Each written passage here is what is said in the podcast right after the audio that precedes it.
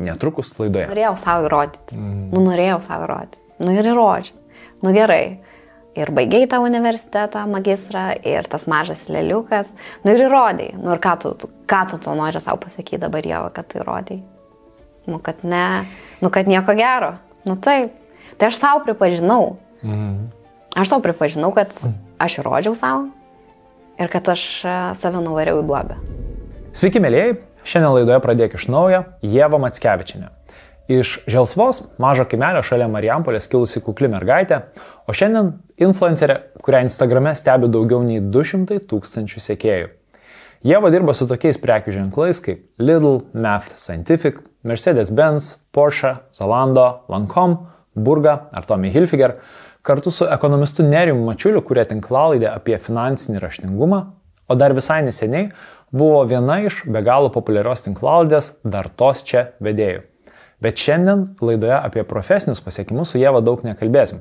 Iš tiesų norėjau pasikalbėti visai kitą temą - apie pokytį, kuris jos gyvenime prasidėjo beveik prieš du metus. Tikriausiai ir tu tai pastebėjai. Ji paliko tinklalaidę dar tos čia, dingo iš televizijos, spaudos ir pradėjo kur kas daugiau viešai kalbėti apie emocinę sveikatą. Kas įvyko? Apie tai netrukus ir pasikalbėsim. Tikiu, kad pažinsi visai kitokią Jėvą, nei esi įpratęs matyti socialinėje erdvėje. Iškart po šios laidos Jėva savo Instagrame pasidalino. Labai daug ir atvirai pasakojau netgi savo didžiausius skaudulius. Gal ir nereikėjo tiek pasakoti, bet aš manau, kad tai bus naudinga kitiems, nuo ko atsispirti ir kokios spalvos gali būti nerimas. Beje, Kalbant apie profesinius pasiekimus, jeigu norėtum pasikalbėti apie tavo profesinius pasiekimus šiais 2023 metais, kviečiu tave į nemokamą webinarą 7 kelrodžiai į naują pradžią karjeroje. Šitas webinaras skirtas tiems, kas galvojat, kad gal jau užteks tik galvoti apie savo naują pradžią karjeroje, kažką savo, gal freelancinimą ar verslą, metas imtis konkrečių veiksmų. Webinare pasidalinsiu, kokie įgūdžiai, mano manimu, patys svarbiausi pradedant kažką savo ir kaip juos ugdyti, net jei visiškai neturi laiko mokytis naujų dalykų. Webinaras nemokamas, užsiregistruok adresu išnaujo.lt, pasviras brūkšnelis 7. O dabar neriam į gilų, labai atvirą pin su Jėva Matskevičiane. Aš esu Aurimas Mikalauskas ir čia laida Pradėk iš naujo.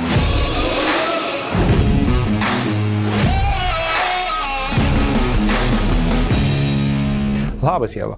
Labas. Ačiū tau labai, kad atėjai. Aš tikrai labai labai džiaugiuosi, e, kad prisikviečiau tave į savo podcastą ir labai apie daug ką noriu su tavim pasikalbėti.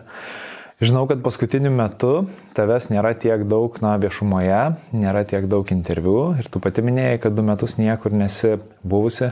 Tai mes būtinai apie tai irgi pasikalbėsim, bet e, dar prieš pradant laidą aš noriu padėkoti mūsų pagrindiniam rėmėjui audiotekai, be kurios šito podcast'o iš tikrųjų negalėtų būti. Audioteka, kas dar nežino, tai yra lietuviška audio knygų platforma. Ten galite rasti jau daugiau nei 500 lietuviškai profesionaliai garsintų audio knygų. Pati programėlė audiotekos yra nemokama, tai galite drąsiai atsisiųsti ją.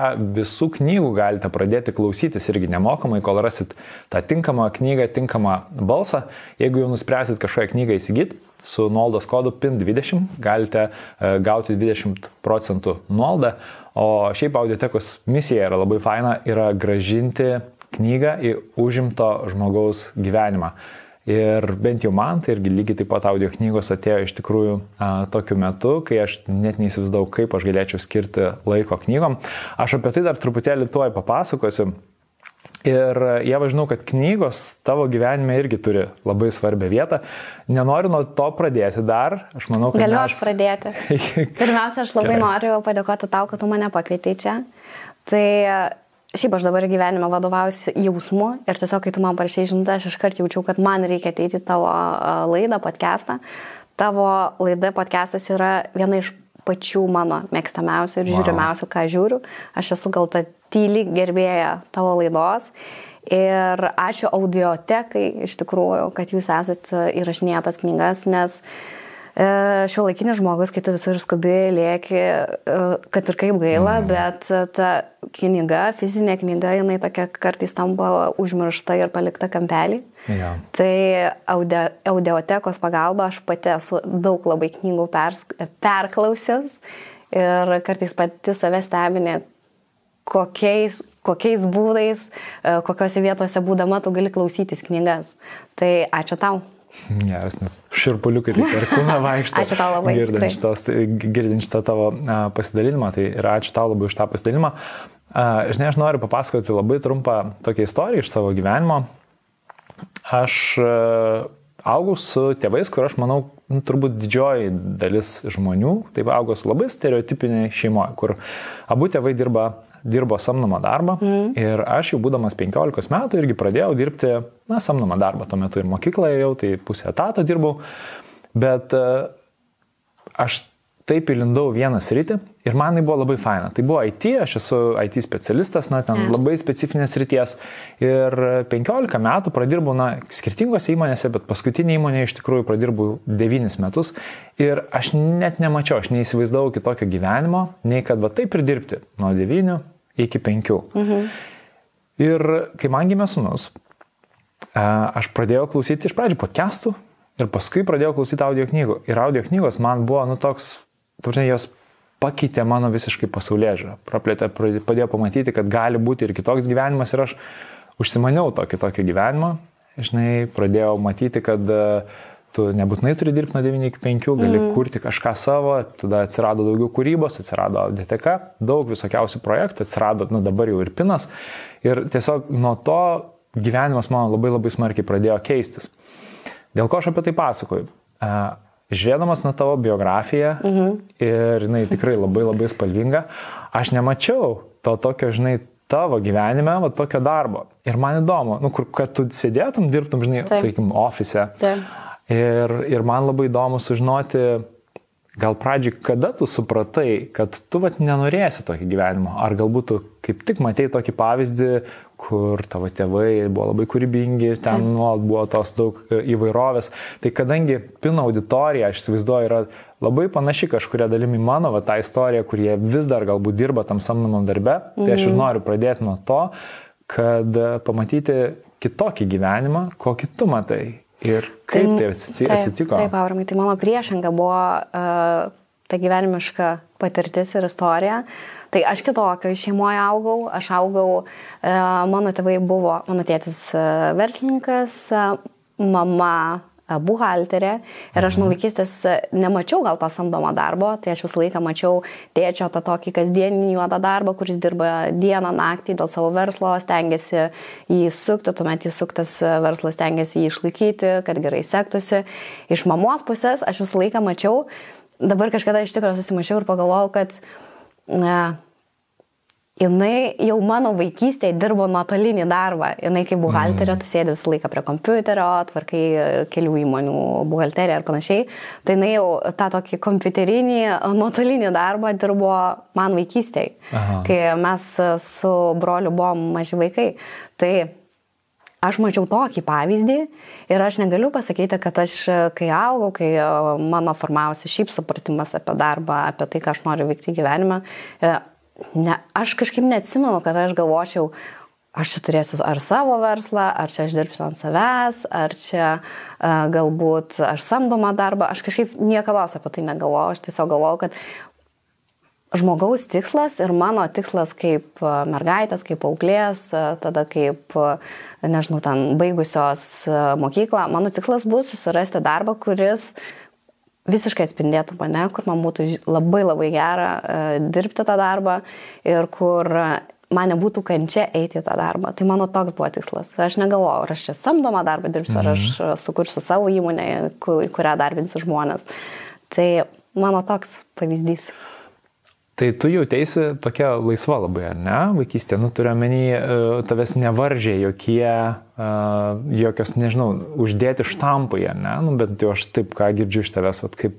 Ir, ir gal... Kokią štampas tu kalbė? Nu, Vat, pavyzdžiui, vien tas darbo nuo 9 iki 5, tai yra taip. tam tikras, žinai, stereotipas, kur tu matai ir galvoja, nu, vat, aš irgi turbūt taip gyvenime. Ir, ir tai ateina nesamoningai. Mm. Tu, mhm. žinai, vėliau gali šiek tiek reflektuoti taip, į savo vaikystę ir galvoti, ai, nu, vat, aš taip mačiau ir dėl to mano gyvenimas, žinai, taip dėliojasi. Taip, bet aš mačiau kitą pavyzdį, kur tu turi dirbti nuolat, dieną, naktį, tu dirbi savaitgaliais, tu su šeima neturi atostogų, nes tu stengiasi dėl savo verslo. Tai aš mhm. šitą mačiau pavyzdį. Okay. Ir galbūt iš tikrųjų apie tai net nebuvau susimašęs, bet e, čia iš, iš tikrųjų, kiekviena laida, kiekvienas podcastas, e, tavo, e, tavo kolegai, tai man kaip tavo pašnekovai yra kaip terapija. Tai va dabar aš galiu pasakyti, kad tai, ką tu man pasakėjai, gali būti, kad iš tikrųjų aš ir pati turėjau ir turiu tų spragų, kur aš neskiriu, kur mano yra darbas, o kur yra, va, kada man jau reikia nedirbti, okay. ar ne? Mm, savaitgalį irgi. Tikrai yra daug e,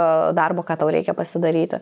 E, kartais tu dirbi ir 9 vakare, kartais tu dirbi ir 10 vakare, ko nepasidarai dieną, tada darai e, kartais ir naktį. Mm -hmm. Tai mm -hmm, okay. galbūt šitas atėjo iš vaikystės. Gal. Kad jeigu tu myli savo darbą, tu tikrai uh, daug savo darbo atiduodi. Tai taip. O tu esi... Galimai tai atėjo iš vaikystės. Esi kada nors dėliojasi savo vertybės?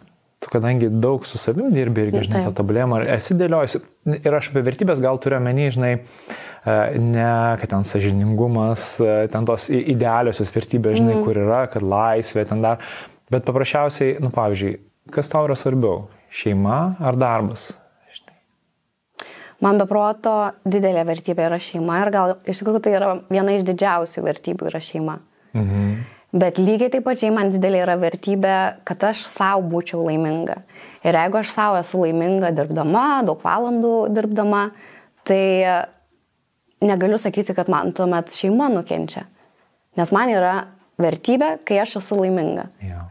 Ir man lygiai taip pačiai yra vertybė mano vaikai, mano šeima, taip kaip aš jaučiuosi namuose, man mano namai yra mano ramybės oazė, žinok, mano yra pilis, kur jeigu aš pavargstu, aš tiesiog trokštų kuo greičiau grįžti į namus, užsirakinti namuose ir būti savo namuose tarp tų keturių sienų, kur man be proto gera ir jauku.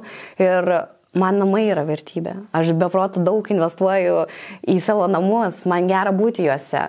Aš stengiuosi, kad kiekvienas kampelis, kiekviena gėlė mano nevystų, nes e, tos pačios gėlės, žinai, sukuria tau jaukumą. Man gera mm. namuose atsikelti e, švariuose, skaniai e, kvepiančiuose pataluose.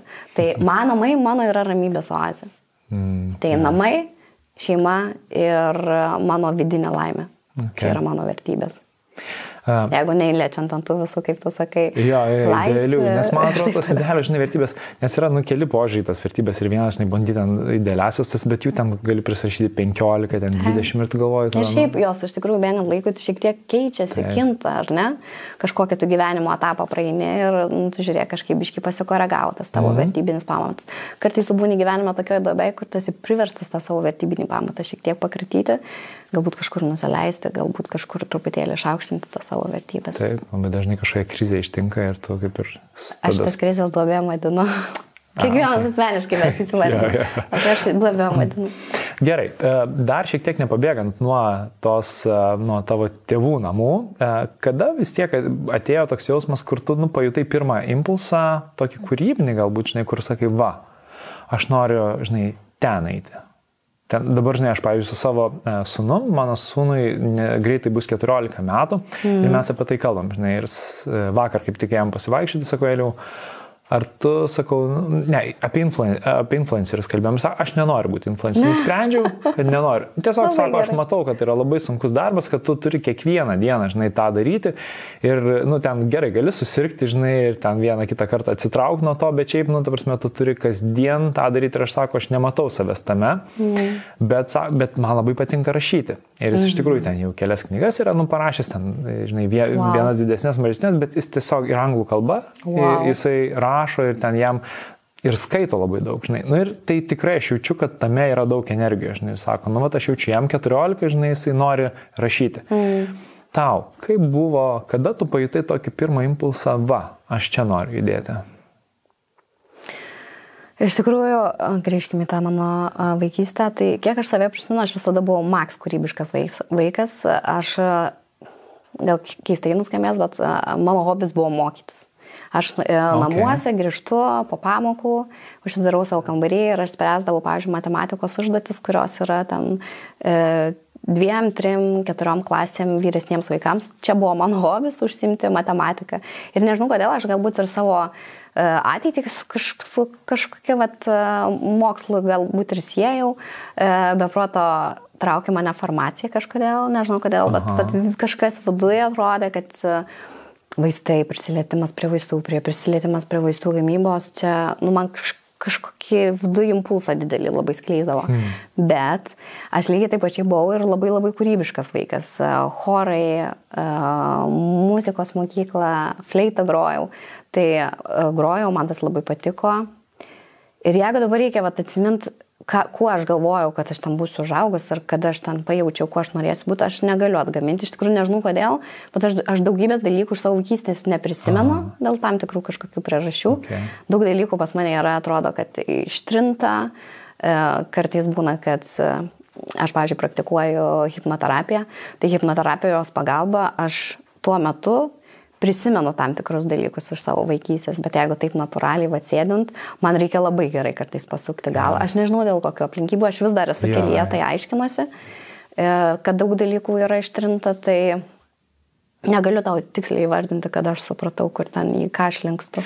Gal gali truputėlį apie hipnoterapiją papasakot? Man labai įdomu, aš niekada nesu susidūręs, be abejo, esu girdėjęs daug. Žinai, man tai. atrodo, apie hipnoterapiją, hipnoterapiją galėsim pereiti tada, kai jau pradėsim kalbėti apie visą mental health, nes Gerai. dėl ko aš atėjau į šitą, e, dėl ko aš atėjau pas tave, nes manau, kad tu irgi turi didelę auditoriją e, šiom dienom apie visą tą mental health, nu be proto yra svarbu kalbėti, nes ir savo socialiniuose tinkluose visai nesiniai dalinausi, kad taip kaip sausius prasidėjo, na, aš turiu didelį auditoriją ir tikrai esu jau pasiekus tą, e, tą taškelį, kur labai jaučiu savo žmonės, aš mhm. tikrai išsprendžiam, iš gaunamų žinučių matau, kokia jų yra psichologinė būklė, kas jiems yra, kokias jie man žinutės rašo, e, sakykime, metai, pusantrų metų atgal aš pradėjau kalbėti apie nerimo sutrikimą, kad tokį turėjau kalbėjau, kad gydžiausi, kaip gydžiausi. Ir nežinau kodėl, bet mano auditorija mane pasirinko tuo žmogum, kur aš gaunu, pavyzdžiui, žinutės, kur man rašo e, žmonės, sako, aš atvažiavau į pirmumai atvažiuoju pirmai, nes aš galvojau, kad man insultas.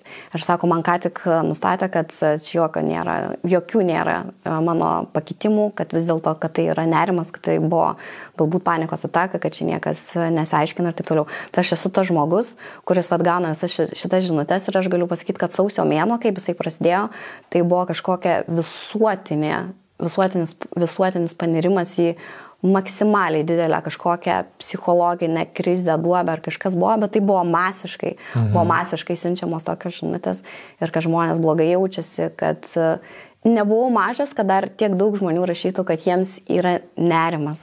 Vis, kai aš pati ėjau per šitą dalyką, Jau. per nerimo sutrikimą, per stiprus nerimo sutrikimą, tai aš galvoju, kad Mm, bet čia labai retas toks dalykas, bet pasirodo, kad sausio mėnesis parodė, kad nu, žmonės tiesiog nuo kažko palūžo. Ir aš pati savo sėdėjau, gilinausi, kam reikalas galvoju, ar čia žmonės pavargo tiesiog nuo... Ar čia tiesiog pandemijos vis dar eina, žinai, pasiekmės, ar čia, kad metų galas buvo, kad ar šventis irgi žmonės truputėlį, žinai, iš rutinos tave išmeta ja. ir tu tiesiog, šiaip žmogui būtinai tiesiog rutina yra. Tai pati aiškinausi, kam reikalas, tai aš manau, kad mano tikslas, kodėl aš atėjau pas tave į, į šitą laidą, tai dar daugiau kalbėti ir dar daugiau atskleisti, nes aš kalbu apie savo visus šitus dalykus, ką aš jau perėjau savo socialiniuose tinkluose, bet vis tiek daug dalykų yra labai, nu taip, ne viską papasako, ar ne? Tai taip. šiandien mano tikslas buvo ateiti pas tave ir e, maksimaliai vidum nusirengti ir apie tai papasakoti, pasipasakoti.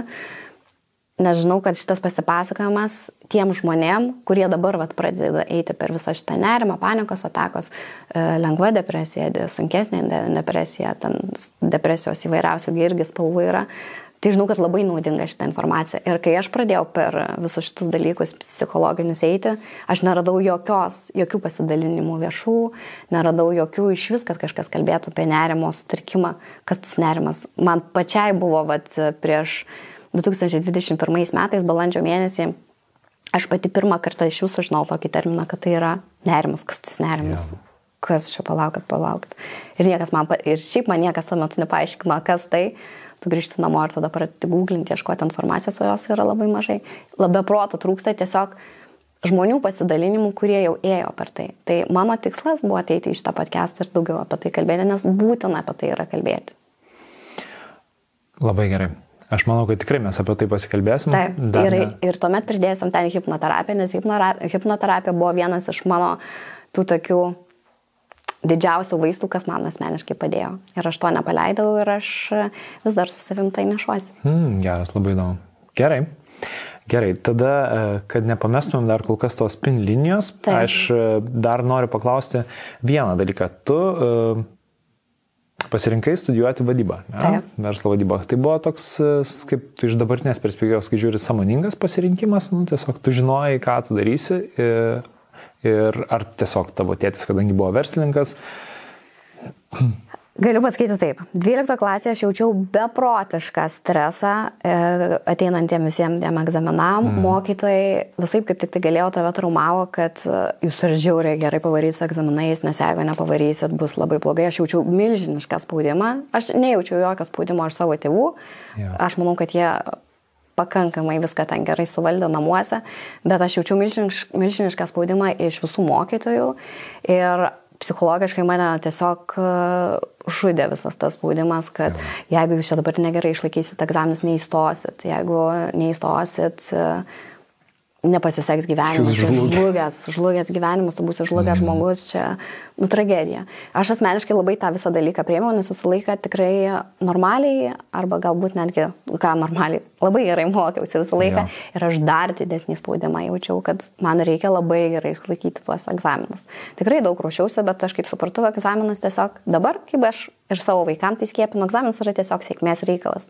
Arba tau pasiseks, ten viskas, e, egzaminai aišku ir pasiruošimas priklauso ir sėkmė, kokie tau klausimai ar ne e, atiteks, ir kaip tau atmintis tą dieną veiks, ir tavo šiaip e, nuotaika, daug, daug dalykų, žinai, lemia. Tai aš jaučiau labai didelį spaudimą, e, buvo egzaminų, kas man labai gerai pasisekė, kas vidutiniškai buvo dalykų, kur tikrai nu, istorija, pavyzdžiui, aš visą laiką turėjau kažkodėl problemų su atmintim turėjau problemų su atmintim. Istorija man pa, e, blogiausiai sekdavosi, pavyzdžiui, mokykloje, nes aš tiesiog neatsimindavau datų. Tiesiog neatsimindavau mm. datų, tai istorijos egzaminas man prašiausiai sekėsi ir aš tikrai žinau, kad aš savo gyvenimo su istorija tikrai nesijėsiu. Tai labai džiaugiuosi, kad taip ir atsitiko, kad mano gyvenime mažai tos istorijos, žinai, yra. Mm. Tai uh, kalbu, kalbu ir pamiršau žino klausimą. Tikrųjų, jo, aš klausiau, šiaip labai gerai, kad tu verslo vaidybą. Jo, ja. ir, ir, ir, ir net įdomu, būtent paliečiant, žinai, dar tą auditoriją, nes tikrai aš iš tėvų kartais girdžiu, kad, nu, mat, jie kviečia savo vaikus ten 11-12 pažiūrėti piną, nes čia mes kalbame apie tai, kad, žinai, tai, ką tu pasirinkti studijoms, tai nėra gyvenimą keičiantis įvykis. Nu, dabar, ne, tai gali nulemti kažką, tai. bet tai nėra, nu, tavo gyvenimo pasirinkimas. Ne, ir tu tą pasirinkimą visada galėsi koreguoti. Mm. Būnagi žmonių, kurie įstoja neįnorimą profesiją. Gerai, tai uh, kodėl aš susidūriau dėl to, kad uh, aš žinojau, kad aš noriu stoti į tokį universitetą. Čia prisiminkim, kad mano bakalauras buvo prieš daugybę metų, Taip. kad e, visiškai viskas kitaip buvo, nei dabar vyksta.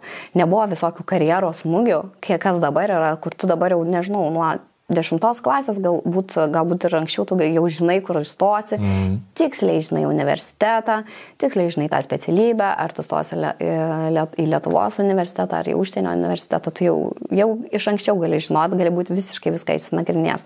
O tuo metu, kai aš stojau į bakalaurą, tai nu, buvo mažai tos informacijos. Realiai, ką žinojau, tai buvo VGT universitetas, Romeris, mm, VU ir ICM e, universitetas, e, tuo metu privatus. E, ir apie jį žinojau, ką, ką tikrai gerai žinojau, kad ten studijuojant galima išvažiuoti į Erasmus programą.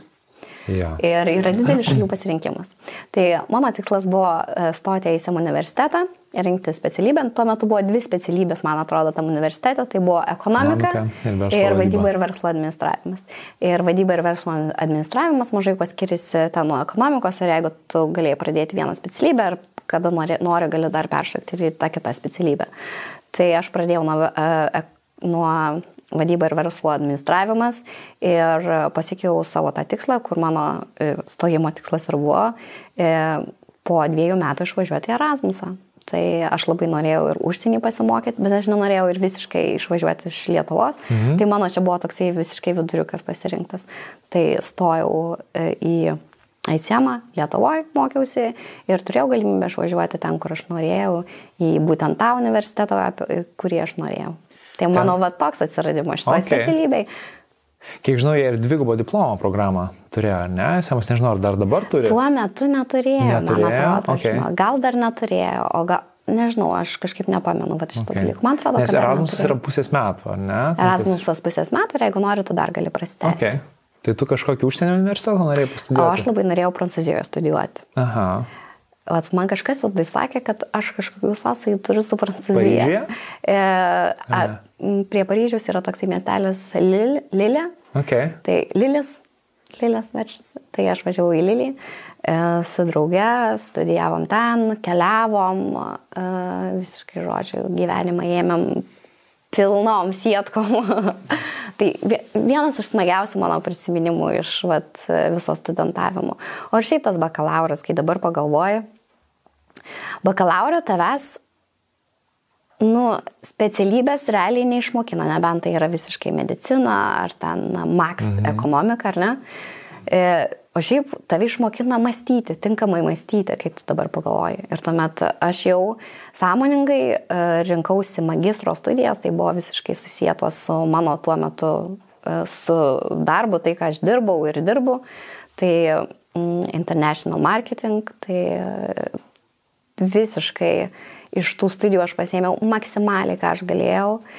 Beproto laiminga buvau iš vis, kad ten atsidūriau, kad e, beproto džiaugiausi iš vis, kad aš ką tik pasigimdžius antrą vaiką nusprendžiau studijuoti magistro e, studijas ir aš iš jų pasėmiau labai labai daug, aš išėjau beprotiškai pasitikinti savim, gavau labai daug žinių, gavau labai daug žinių, kaip viską daryti, kaip daryti, kur tinkamai, e, tinkamai eiti, tinka, kuria tinkama linkme save programuoti. Tai aš beproto esu laiminga pabaigusi magistro studijas. Hmm.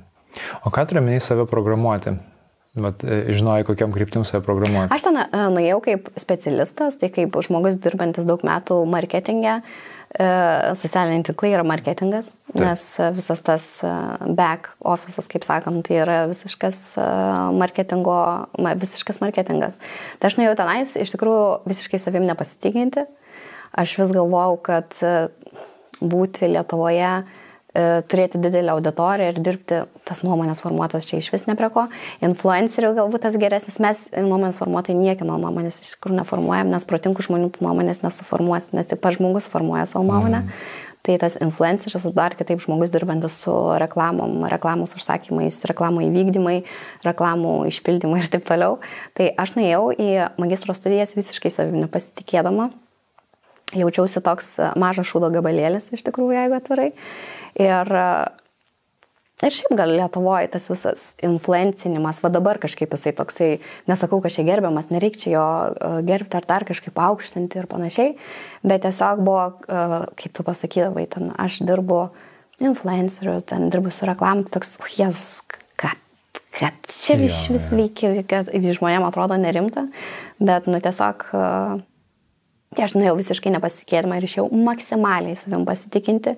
Buvo dėstytojai iš užsienio, kurie, tu ateini žmogus 10 metų jau tame dirbdamas. Ir, pavyzdžiui, ten būdavo, e, buvo, e, paskait, e, buvo dalykas, kuris taip ir vadinosi, tiesiog e, socialinių tinklų valdymas kažkas tokio. Tai tu ateini kaip Max specialistas ir dėstytojas sako, aš tai vis apie tai žinau tik tai iš knygos, ką tai rašo.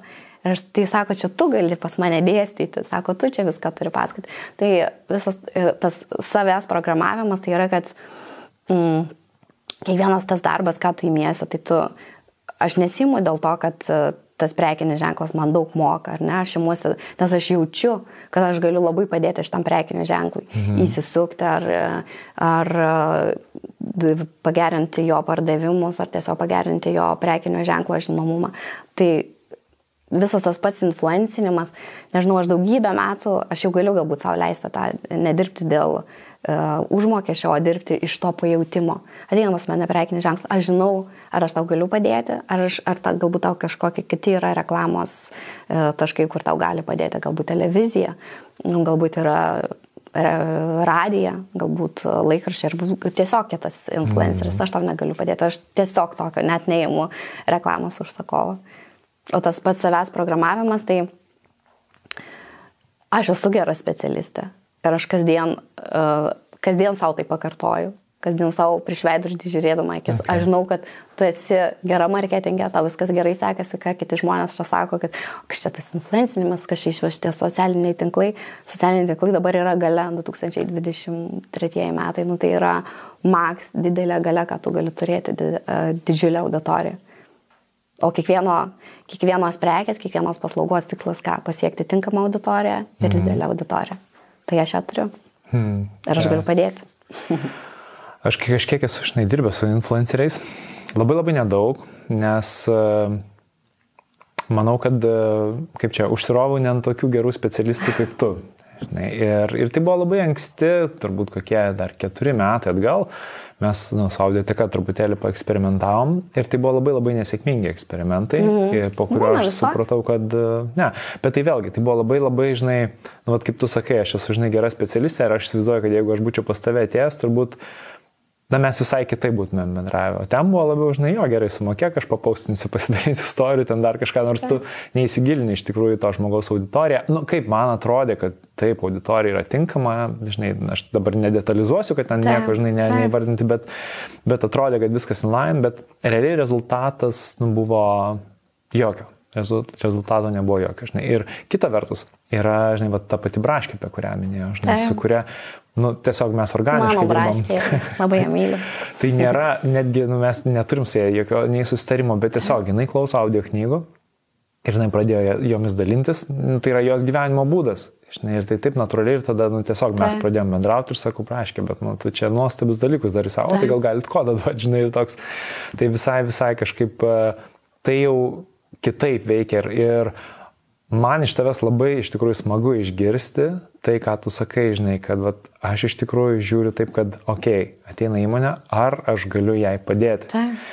Ir čia, man atrodo, labai svarbi yra žinutė ir tiems, nes vėlgi, toj, toj pačioj pino auditorijoje, aš įsivaizduoju, yra labai daug žmonių, kurie norėtų galbūt influencerio tokios karjeros, bet uh, Man atrodo, kad e, tai yra daug daugiau, negu mes matom. Žinai, mes matom tą galutinį rezultatą ir tai atrodo, čia, žinai, jie, va, tam, žinai, ateinam papasakoja, kad čia va kokia faina patalinė, žinai, ir, ir viską, žinai. Tai Taip. Tai čia ir aš tą galiu padaryti, žinai. Papasakok dar apie tai, žinai, kiek sunkaus darbo iš tikrųjų įeina, įskaitant jau studiją, žinai, kur tu studijavai, mokysi, kaip to daryti, bet, nu, kas, kas yra už ekrano, ko mes nematom, žinai, ką reiškia būti realiai va to influenceriu. Tai tu labai teisingai ir pasakėjai, kad jūs matot visiškai maksimaliai galutinį rezultatą. Mm. Bet tai lygiai tai tas pats, kai mes įsijungiam televizorių ir tarp mūsų mėgstamo filmo eina reklama, tai ką mes matom? Mes matom galutinį rezultatą. Yeah. Mes matom sumontuotą e, labai gerą reklamą. O kol jie susuko, kol jie padarė tą reklamą, Mes patys net kartais ir nesusimastom, ar ne? Tai lygiai tas pats pas mus.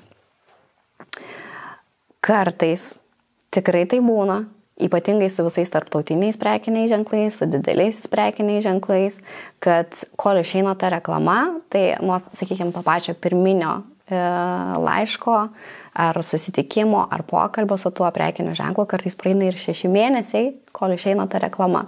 Tai aš, pavyzdžiui, dabar e, mano buvo svajonė dirbti su vienu tokiu tarptautiniu prekiniu ženklu, dar aš jo neskleisiu, nes mes dar nebaigėm dėrėtis. Tai e, mano svajonė buvo dirbti su tuo prekiniu ženklu, nes jisai visiškai yra apie mane ir aš labai norėčiau, kad e, šitas prekinis ženklas e, būtų siejamas su mano vardu. Tai mes su juo buvom pradėję kalbėti jau nuo rūpiučio galo. Tai va dabar galiu pasakyti, jau praėjo kiek apie pusę metų. Yeah. Tai mes vis dar nesam pasirašę sutarties, mes jau kaip ir esam plius minus viską išsigryžinę, bet vis dar nėra to, kad aš jau galėčiau sėsti ir filmuoti e, reklamą, filmuoti tai, ką jie nori iškomunikuoti mano auditorijai. Mhm. Tai e, tai, ką jūs matote, yra galutinis rezultatas. Už viso to ir tiek pat už manęs dar yra komanda, kuri dirba ties tuo. Tai yra ir galbūt e, agentūrą, kuri padeda man ir reklamas derinti, ieškoti užsakovų, užsakovą mane surasti, yra operatoriai, montuotojai, yra, e, nežinau, aš dar prie savęs pridedu ir laidų, laidą, kurią aš neturiu kartu su Nerijau Mačiuliu. Mhm. Tai yra ir kurie žmonės padeda tau tekstą rašyti, ieško ieško tų tokių sričių, apie ką tu galėtum kalbėti, kur nėra daug apie tai kalbama ir kur nėra mano auditorijai dar apie tai daug žinomų dalykų. Mhm. Tai už manęs yra e, daug mėnesių derinimo e, tų kontraktų ir yra komandytė, komanda. Šiais metais labai iš tikrųjų daug visokių idėjų turiu ir išsiplėčiau, bandau išsiplėsti savo komandą, nes pasirodo netaip lengva susirasti tinkamą žmogų, kur ne tai, kad tinkamą specialistą, bet man, man labai svarbu, kad mano ir to kito mano darbuotojo ar to kito žmogaus, kuris bus šalia manęs darbe, energija sutaptų. Aš ir horoskopus pažiūriu. Mm. Man viskas turi sutapti. Man turi būti gera šalia dirbti to žmogaus.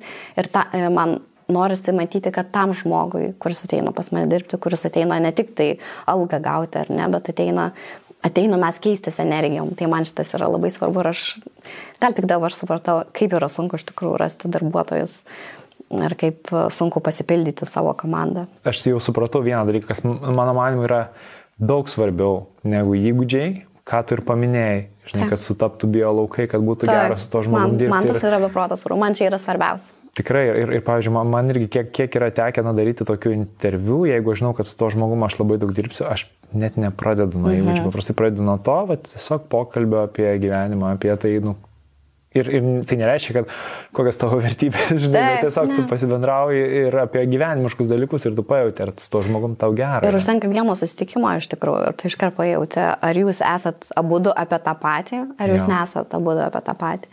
Tai man nesinori tik tai kartu sėdėti, dirbti, nieko nekalbėti ir mokėti tam žmogui algą. Nu, man norisi, kad ir aš iš jo dar galėčiau kažką gauti, aš iš jo gaučiau gerą mm. energiją, emociją, kad abiems būtų gera, žinai, kartu dirbti. Nes man nesinori tiesiog priimti žmogų pas save į ofisą ir pasodinti, o manęs jame nėra. Man norisi tiesiog uh, bendradarbiauti kartu su juo. Tai ja. man man net nesvarbu, nei kokios to žmogaus iš tikrųjų kvalifikacijos, nieko. Man svarbiausia, pirmiausia, pirmas numeris man yra svarbiausia, kad mums sueitų biolaukai, tas pats tariamas vaibas, šiaip mhm. stengsiuosi mhm. nevartoti anglicizmo, nes mačiau, kad tavo auditorijai nepatinka anglicizmas. Būna truputėlį jo komentarų. Taip, tai stengsiuosi to nevartoti, bet kartais vaibas, nu, vad kaip tu lietuviškai galėtum išversti. Vaibas. Mm. Nu, energija, man atrodo, šiaip yra labai teisingai. Na, taip. Ja, tiesiog energijos, kad dar be bijo laukai tiek, kad sutaptų. Taip. Ir tikrai aš esu, nu dabar jau galiu pasakyti, kad tikrai turiu nemažai patirties žmonės ir samdydamas, ir atleisdamas. Ir e, visi, nu, vat, sprendimai, kur aš priėmiau skubėdamas, priėmiau žmogų ir neatsižvelgdamas į tai, aš paskui su to žmogum turėjau atsisveikinti ir nuo to tapo visiems geriau. Taip. Bet tikrai. Gal žinai, iš tikrųjų tose didžiosiose įmonėse, ten, kur direktorius yra ir dar 150 ja. darbuotojų, gal čia šitų dalykų niekas ir nesivadovauja, nes jiem ten nėra skirtumo, kokios ten to žmogaus vertybės, horoskopo ženklas ar panašiai, jie net, manau, į tai mhm. nekreipia dėmesio. Jiems svarbiausia, kad būtų žmogus, kuris puikiai atlieka savo darbą. Tai, vertus, kadangi aš neturiu didžiulės, žinai, įmonės, e, tai man svarbu yra labai, kaip, kaip mes abu pavyzdžiui, savo mhm. socialinių tinklų e, tinklų paskyros aš visiškai, visiškai niekam ne, netiduodu, netiduosiu ir netidaviau ir galiu pasakyti, kad nėra žmogaus šiame pasaulyje, kuris žinotų mano prisijungimą prie mano socialinių tinklų. Esam su savo vyru susitarę, kad aš turiu užrašysi e, savo socialinių tinklų prisijungimų pasvardus, juos esu įdėjusi į voką ir esu padėjusi seife ir sakiau, jeigu mm man tikrai kažkas atsitiks ir tau reikės tam prisijungti, tai jie yra, bet kitu atveju mes neturim, nu, vat, teisės vienas kito jungtis į tos socialinius tinklus. O šiais metais norėčiau dar vieną laidą pasileisti visiškai apie mental health. Okay. E, esu jau ties šitos idėjos, jau aš ją gimdau, jau, e, kaip sakant, jau yra visas tas vaisius, tik man belieka jį taip gražiai darbiškai paauginti ir išgimdyti, išleisti į visą žmoniją. Tai šitas iš tikrųjų projektas apie mental health laida, podcastas, vis dar nežinau, kaip jisai atrodys, galbūt dar kažkas didesnio bus. Jau pas mane du metus galvoje ir aš vis ją brandinau, vis bandžiau suprasti, kaip jis turi atrodyti. Ir žinok, šių metų gale, 2022 metų gale, artėjant link sausio pirmos, visiškai kažkaip smogė kažkas man į, į mano smegenis, aš supratau, kaip jisai atrodyti, aš supratau, kaip jis turi kvepėti, kaip jis turi išeiti, koks, kaip jis turi vadintis. Tai sekančiais metais iš mano pusės išeis tikrai. Šiais. 23. Taip, taip? 2023. Taip. Kaip man, žinok, pažįstamas tas jausmas, ta prasme, va, apie ką tu pasakoji, nes man su pinu lygiai taip pat buvo. Nu, mm. Tai buvo brendo du metus ir ten, žinai, visokias skirtingas formas jisai gavinėjo, bet tiesiog va, atėjo metas, žinai, ir tu supranti, ir tada pradeda energija plūsti Taip. ir viskas pradeda dėliotis. Viskam turi būti tinkamas metas, man atrodo. Mm. Ir tu savy turi ir tą idėją subrandinti, užauginti kad jisai paauktų iki tam tikro jau lygio, kur tu jau tikrai supranti, kaip jis turi atrodyti ir kaip jis turi atrodyti visai tai auditorijai, kuriai jisai yra labai labai stipriai reikalingas. Geras, tai nekantri laukiam. Labai Aš irgi laukiu. Aš pati labai laukiu. Gerai, dar truputėlį noriu grįžti. E, grįžti prie tavęs, grįžti prie praeities ir šiek tiek pakalbėti apie tavo tą tokį populiarėjimo momentą. Mm -hmm. Aš vieną citatą perskaitysiu. Ojai. Išgarsėjau būdama gana jauna, 22. Dabar suprantu, kad kaip tik tuo metu ėmė formuotis mano požiūris į suaugusių į gyvenimą, tad kaip moteris subrendau jau būdama apsupta visuomenės dėmesio. Dabar ne, nežinau, kad galėtų būti kitaip. Viešumas per tiek metų mane daug ko išmokė, tačiau viena svarbiausių pamokų - atsargumas. Atsargumas. Gal gali papasakoti truputėlį apie tai plačiau? Tai kai aš baigiau, kai aš baiginėjau savo bakalaurą, e, iš vienas iš mano aplinkos žmonių supažindino mane su tuo metu, gal ir dabar iš tikrųjų pačiu stipriausiu Lietuvos e, muzikos pasaulio vadybininku, tai yra Martinu Tila ir su jo mm. nuostabė žmona, beje, kur mes anksčiau buvom labai panašios. E, tai mūsų pažindino ir tuo metu Martinas Mm, Tyla be savo visų tų turimų jau muzikos grupių kūrė merginų grupę ir trūko vienos narės. Tai mes susipažinom ir aš gavau pasiūlymą užimti tą trūkstamą vietą. Mhm. Tai taip aš atsidūriau visame tame pramogų pasaulyje ir niekas nesakė, kas ten kaip bus. Aš nežinau, iš tikrųjų niekada net ir neturėjau svajonės atsidurti muzikos grupėje. Ir ten viskas ir prasidėjo, ir tas visas žinomumas, atpažįstamumas, e, noras įsisukti į tavo draugų ratą ir taip toliau. Tai tokia buvo visa mano pradžia. O tu norėjai būti populiari? Žinai, tai buvo viena iš tavo svajonių? Ne, niekada, ne, ne, aš neturėjau, vat, kad mano būtent būtų svajonė čia išgarsėti kažkokiu būdu ir tapti populiari. Aš niekada neturėjau tokios svajonės. Okay. Tai atsargumas. Ką turiu omeny, žinai, kas, ar, ar buvo kažkas galbūt, e, kas tave sukrėtė, dėl ko tu supratai, kad, nu, okei, okay, biški, va, aš čia jau per neatsargiai pasielgiau. Nežinau, buvo, kad, nu, tokių, kur tu net šiandien atsimintum, nes aš įsivaizduoju, kad ten visko turbūt galėjo būti. Tik kai aš sakiau šitą citatą, man matomai šitą citatą buvo tikrai jau, dabar jau yra labai sena. Mhm. tai Aš manau, kad aš turėjau omeny atsargumas tai, kad tu įsileidai savo pažįstamų ratą ar draugų ratą, nes kaip ir minėjau, ja. visada buvo ir yra žmonių, kurie nori patekti į tą tavo draugų ratą, tapti tavo geriausiu draugu, tapti žmogum, kuriam tu patiki paslaptis ar ten atsiveri. Ir tas žmogus po to, jis gal nesijaus, jis nesijaučia tavo draugas ir paskui tas visas tavo paslaptis, tavo atsiverimą ir taip toliau transliuoja visiems tiem kitiem žmonėm, kuriem ir nereikia, ar ne? Ja.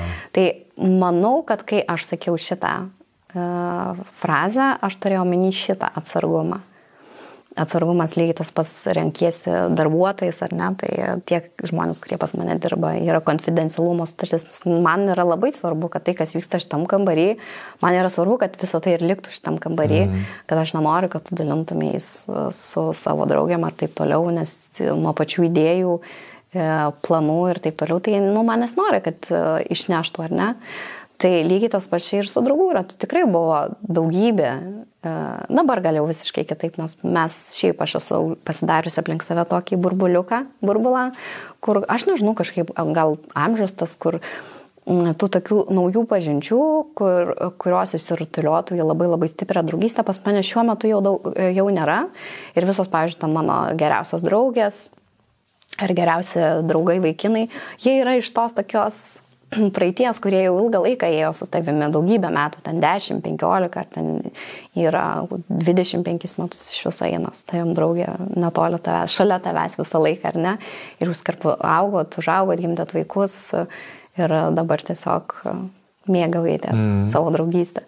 Tai aš manau, to, vat, kai sakiau šitą frazę, tai ja. aš apie šitą atsargumą kalbėjau, kad atsargumas, ką tu renkiesi, prisileisti prie savęs. Jo, šiaip man kažkaip tai dabar tai, ką tu pasakoji, labai uh, surezonavo su Brenė Brown pažeidžiamumo gale. Aš nežinau, ar tu esi klausiusi, audiotekui yra Aš žinau, kaip knyga atrodo, aš audio kursas. Šiaip mhm. knygos, nes jinai yra keletą knygų parašyti ir būtent pažeidžiamo gale knygos jinai nėra išleidusi.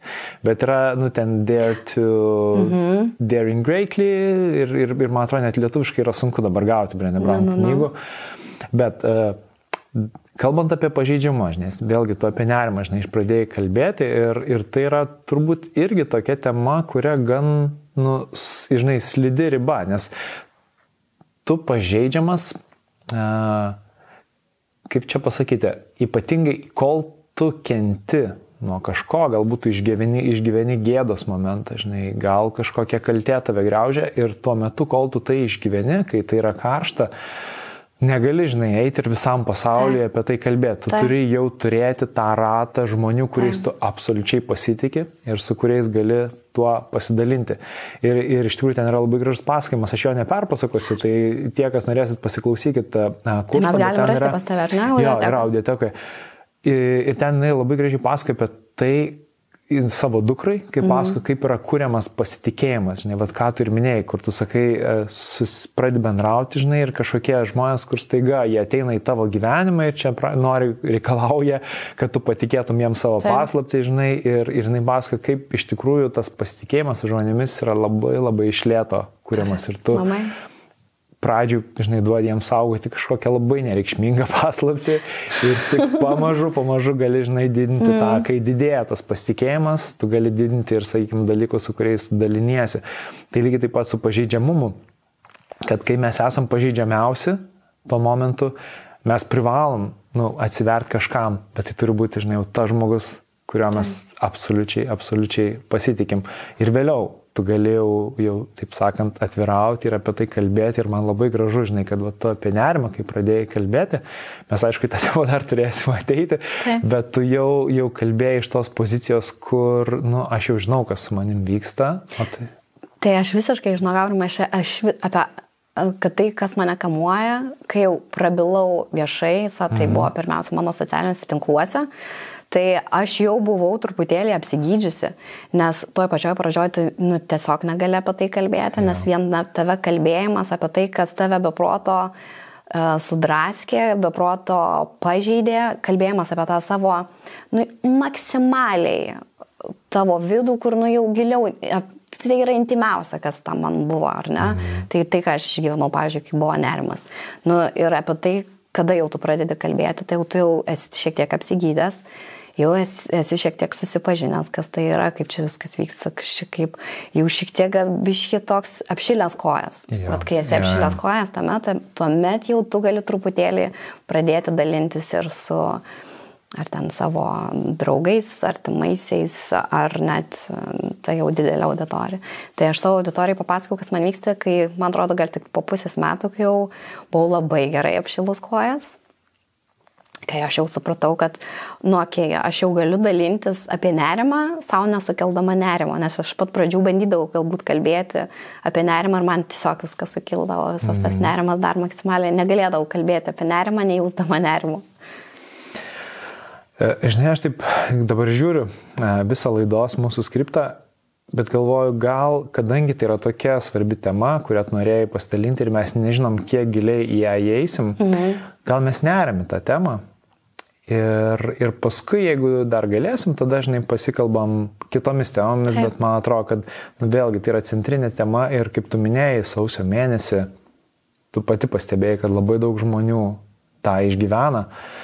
Aš beje iš savo, daly, iš savo pusės negaliu nu, labai daug ko pasidalinti tą temą. Aš esu vieną kartą išgyvenęs, e, e, na, kas man atrodo buvo panikos priepolis. Panikos ataka. Ar panikos ataka, tai buvo vienintelį kartą. Uh, Buvo neseniai po skirybų ir atrodė, kad e, gyvenu, nu kaip ir viskas su mano gyvenimu yra gerai, aš pradėjau gyventi vienas, gyvenu tiesiog ryte atsikėliau ir man tai buvo keiščiausia, kad ryte, kai aš atrodo esu mm. visiškai pailsėjęs, man prasidėjo va, tai, ką tu pasakai, kur tu jauti, kad tavo širdis atrodo tuoj iššoks, žinai, tau pradeda trūkti oro, nežinai, kas vyksta, svaigsta galva, nu toks, ne, net pradedi galvoti, kur aš čia iš viso atsidūriau ir, ir kažkaip aš niekada daugiau nenorėčiau to išgyventi.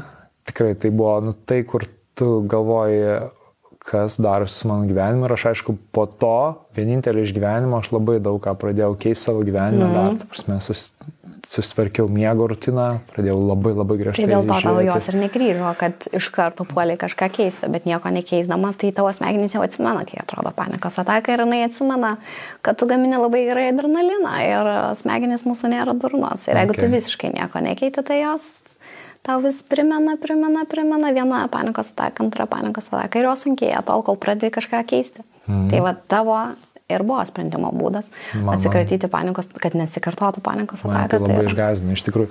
Papasako, kaip buvo, dabar vis tiek jau gali apie tai kalbėti. Jau dabar galiu kalbėti. Pirmas tikrai. kartas, kai tave tai ištiko. Ai, o, Jezus, čia daug dabar reikės kalbėti. Tai gerai, mokosi geras vandens ir pradedam. Mhm. Tai panikos ataka tai yra panikos ataka. Tai panikos atako aš irgi buvau jautusi ir viena iš stipriausių ir didžiausių mano buvo panikos atakų, kai aš laukiausi savo antro vaiko. Aha. Ir man vieną kartą toksai smoga. Nu ir tu supranti, ką tau reikia įvesti į Google, kas tai yra, nes iki tol aš nesupratau. Iš vis, kad egzistuoja gal tos panikos atakos. Mm vieną kartą smogė, ten po kelių naktų antrą kartą smogė, e, pasakiau savo gynekologiai ir jis sako, tai čia, šitas dalykas vadinasi panikos ataka. Nežinau kodėl, bet tuo metu man, kai padarė kraujo tyrimus, rado visiškai, ma, visiškai minimalų ir labai mažą kalio kiekį, Aha. kas irgi šiaip sako, turi sąsajų su panikos ataka. Tai tie, kas turi panikos ataką, atakas tikrai vertėtų pasitikrinti kalį, nes nuo per mažo kalio e, kiekio jūsų kūne gali būti, kad patirite netgi taip, taip, iš, taip iš, išrutulioja tau, kad panikos mhm. ataka. Mm. Tai man sutvarkius tą kalio kiekį, man daugiau panikos atakos e, nesikartojo. Ir tuo metu, kai aš e, baigiau savo magistrą, e, kad jį baigti, tau reikia parašyti magistrinį. Tu turi pusės metų leliuką tuo metu jau ten metas buvo, e, vienas metas. Ir aš kažkaip galvojau, ai, su tą magistrą aš ten labai lengvai pasibaigsiu, bus čia viskas taip kaip bakalauro laikotarpiu, dieną tu čia galbūt nepasimokai, bet naktį sėdėgi viską šitų iš, perskaitai, viską pasimokini ir, tai, ir gerai išsilaikai egzaminus. Tai pasirodo, kad su magistru, ypatingai jeigu tu turi mažiuką liliuką, vat, vieno meto, ja. nu, tu negali naktį pasimokyti, nes jau pas tave net pirmą, galbūt net tas amžius, e, tu esi visai nesnei pasigimdas, tau noris, tu, tu, tu nori naktį mėgot, tada, okei, okay, tu gali mėgot, bet tam vaikui dyksta dantys, e, pilvas kauda, serga ir taip toliau, tai supratau, kad aš naktį tai negaliu mokytis, nes e, dažnai labai pasitaikydavo, kad mano antras vaikas meilė tai, tai susirga, e, tai, e, tai tas, tai anas, žodžiu, jinai pati naktį nemiega, tai aš negaliu mokytis naktį. Ok, galvoju, tai dabar įstojai, naktį negali mokytis. Tai reikia susigalvoti, kaip tau reikia iš vis pasibaigti tą magistrą. Tai e, man rašant magistrinį darbą, be proto daug aš iš savęs reikalavau, rašydama tą magistrinį laišką, magistrinį darbą, nes jį rašiau apie savo uh, socialinius tinklus aš užkabinau tokią temą, kur tikrai dar moksliniuose tyrimuose jinai nebuvo plėtojama ir aš tiek iš savo magistrinio darbo vadovės supratau, kad tai yra tema, kur nu, jinai gali labai plačiai išplaukti. Jeigu aš jį gerai parašysiu, tai aš jaučiau labai didelį savo spaudimą ir aš jį dariau labai, labai save spaudžiau, kad man jį reikia labai gerai parašyti. Tai tu turi namuose mažą vaiką, tu labai save spaudi.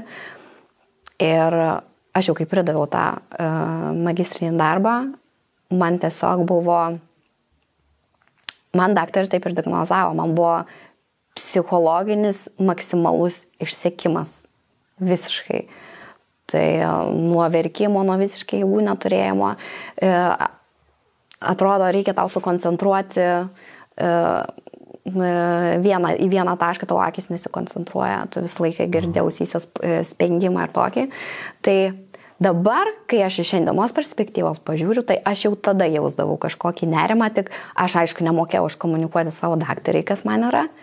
Ir kadangi tikrai buvo galima privesti prie to, kad aš čia rašiau magistrinį darbą, tikrai naktim sėdėdavau, dienom sėdėdavau, bibliotekoje sėdėdavau, dieną naktį, mm, tikrai labai save spaudžiu ir tikrai normalu, kad man galėjo būti tas uh, psichologinis išsiekimas, kur ir fizinis, ir psichologinis išsiekimas abu du viename, manau.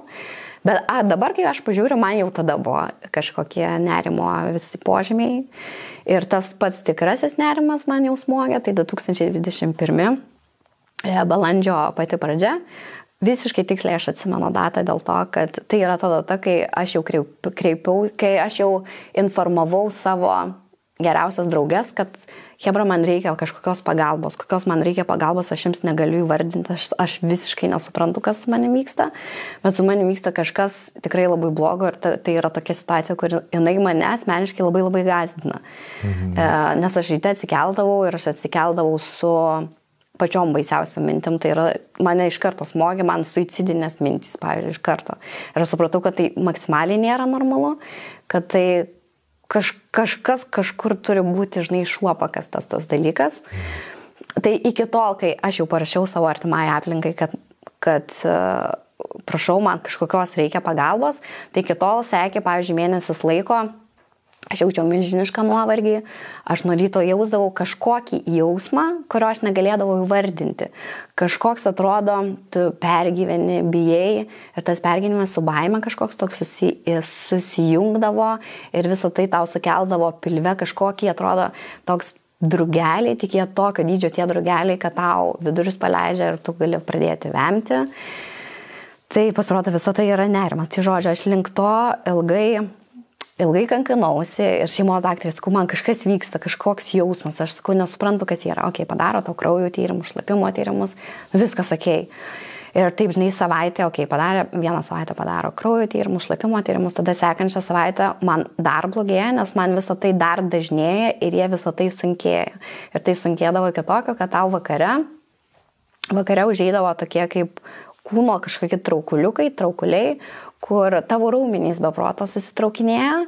Nu, sunku papasakot, gal kai žmogus, žinai, nu, nesim per tą perės, bet raumenų kažkokie susitraukinėjimai, kur e, tau liežuvis atrodo atitirpęs, tu negali pasakyti savo, nežinau, vat, savo vyrui, kad tau kaž, kažkas tau yra, net niekas nesupranta, kas tau yra.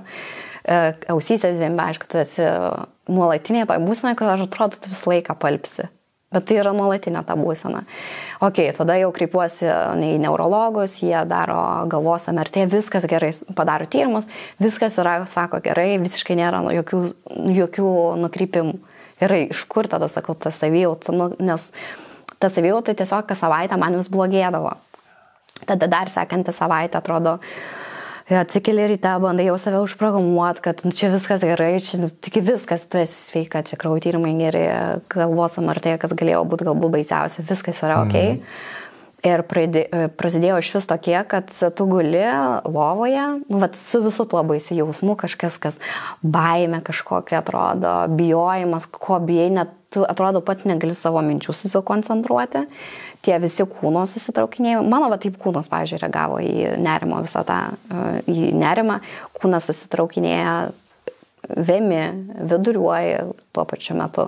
Bet kūnas sustraukinėtų, kad gužiesi tu labai? Ne, kad ne? gužiesi, bet raumenys. Net patys raumenys. Raumenys, jo, ir atrodo, tu jau, tu nieko atrodo nedarai, tavo raumenys patys susitraukinėja ir tada sekančią dieną, tu kai ryte atsikeli po viso to, va, tokio, tokio vakaro, tokios nakties, tau kažkaip pavyksta užmigti, tu ten valerijono prisigeri Ir sekantį rytą tu supranti, kad tu net negali paeiti nuo to, nuo raumenų skausmo, nes vakare tavo taip e, vis, visas raumenynas susitraukinėjo.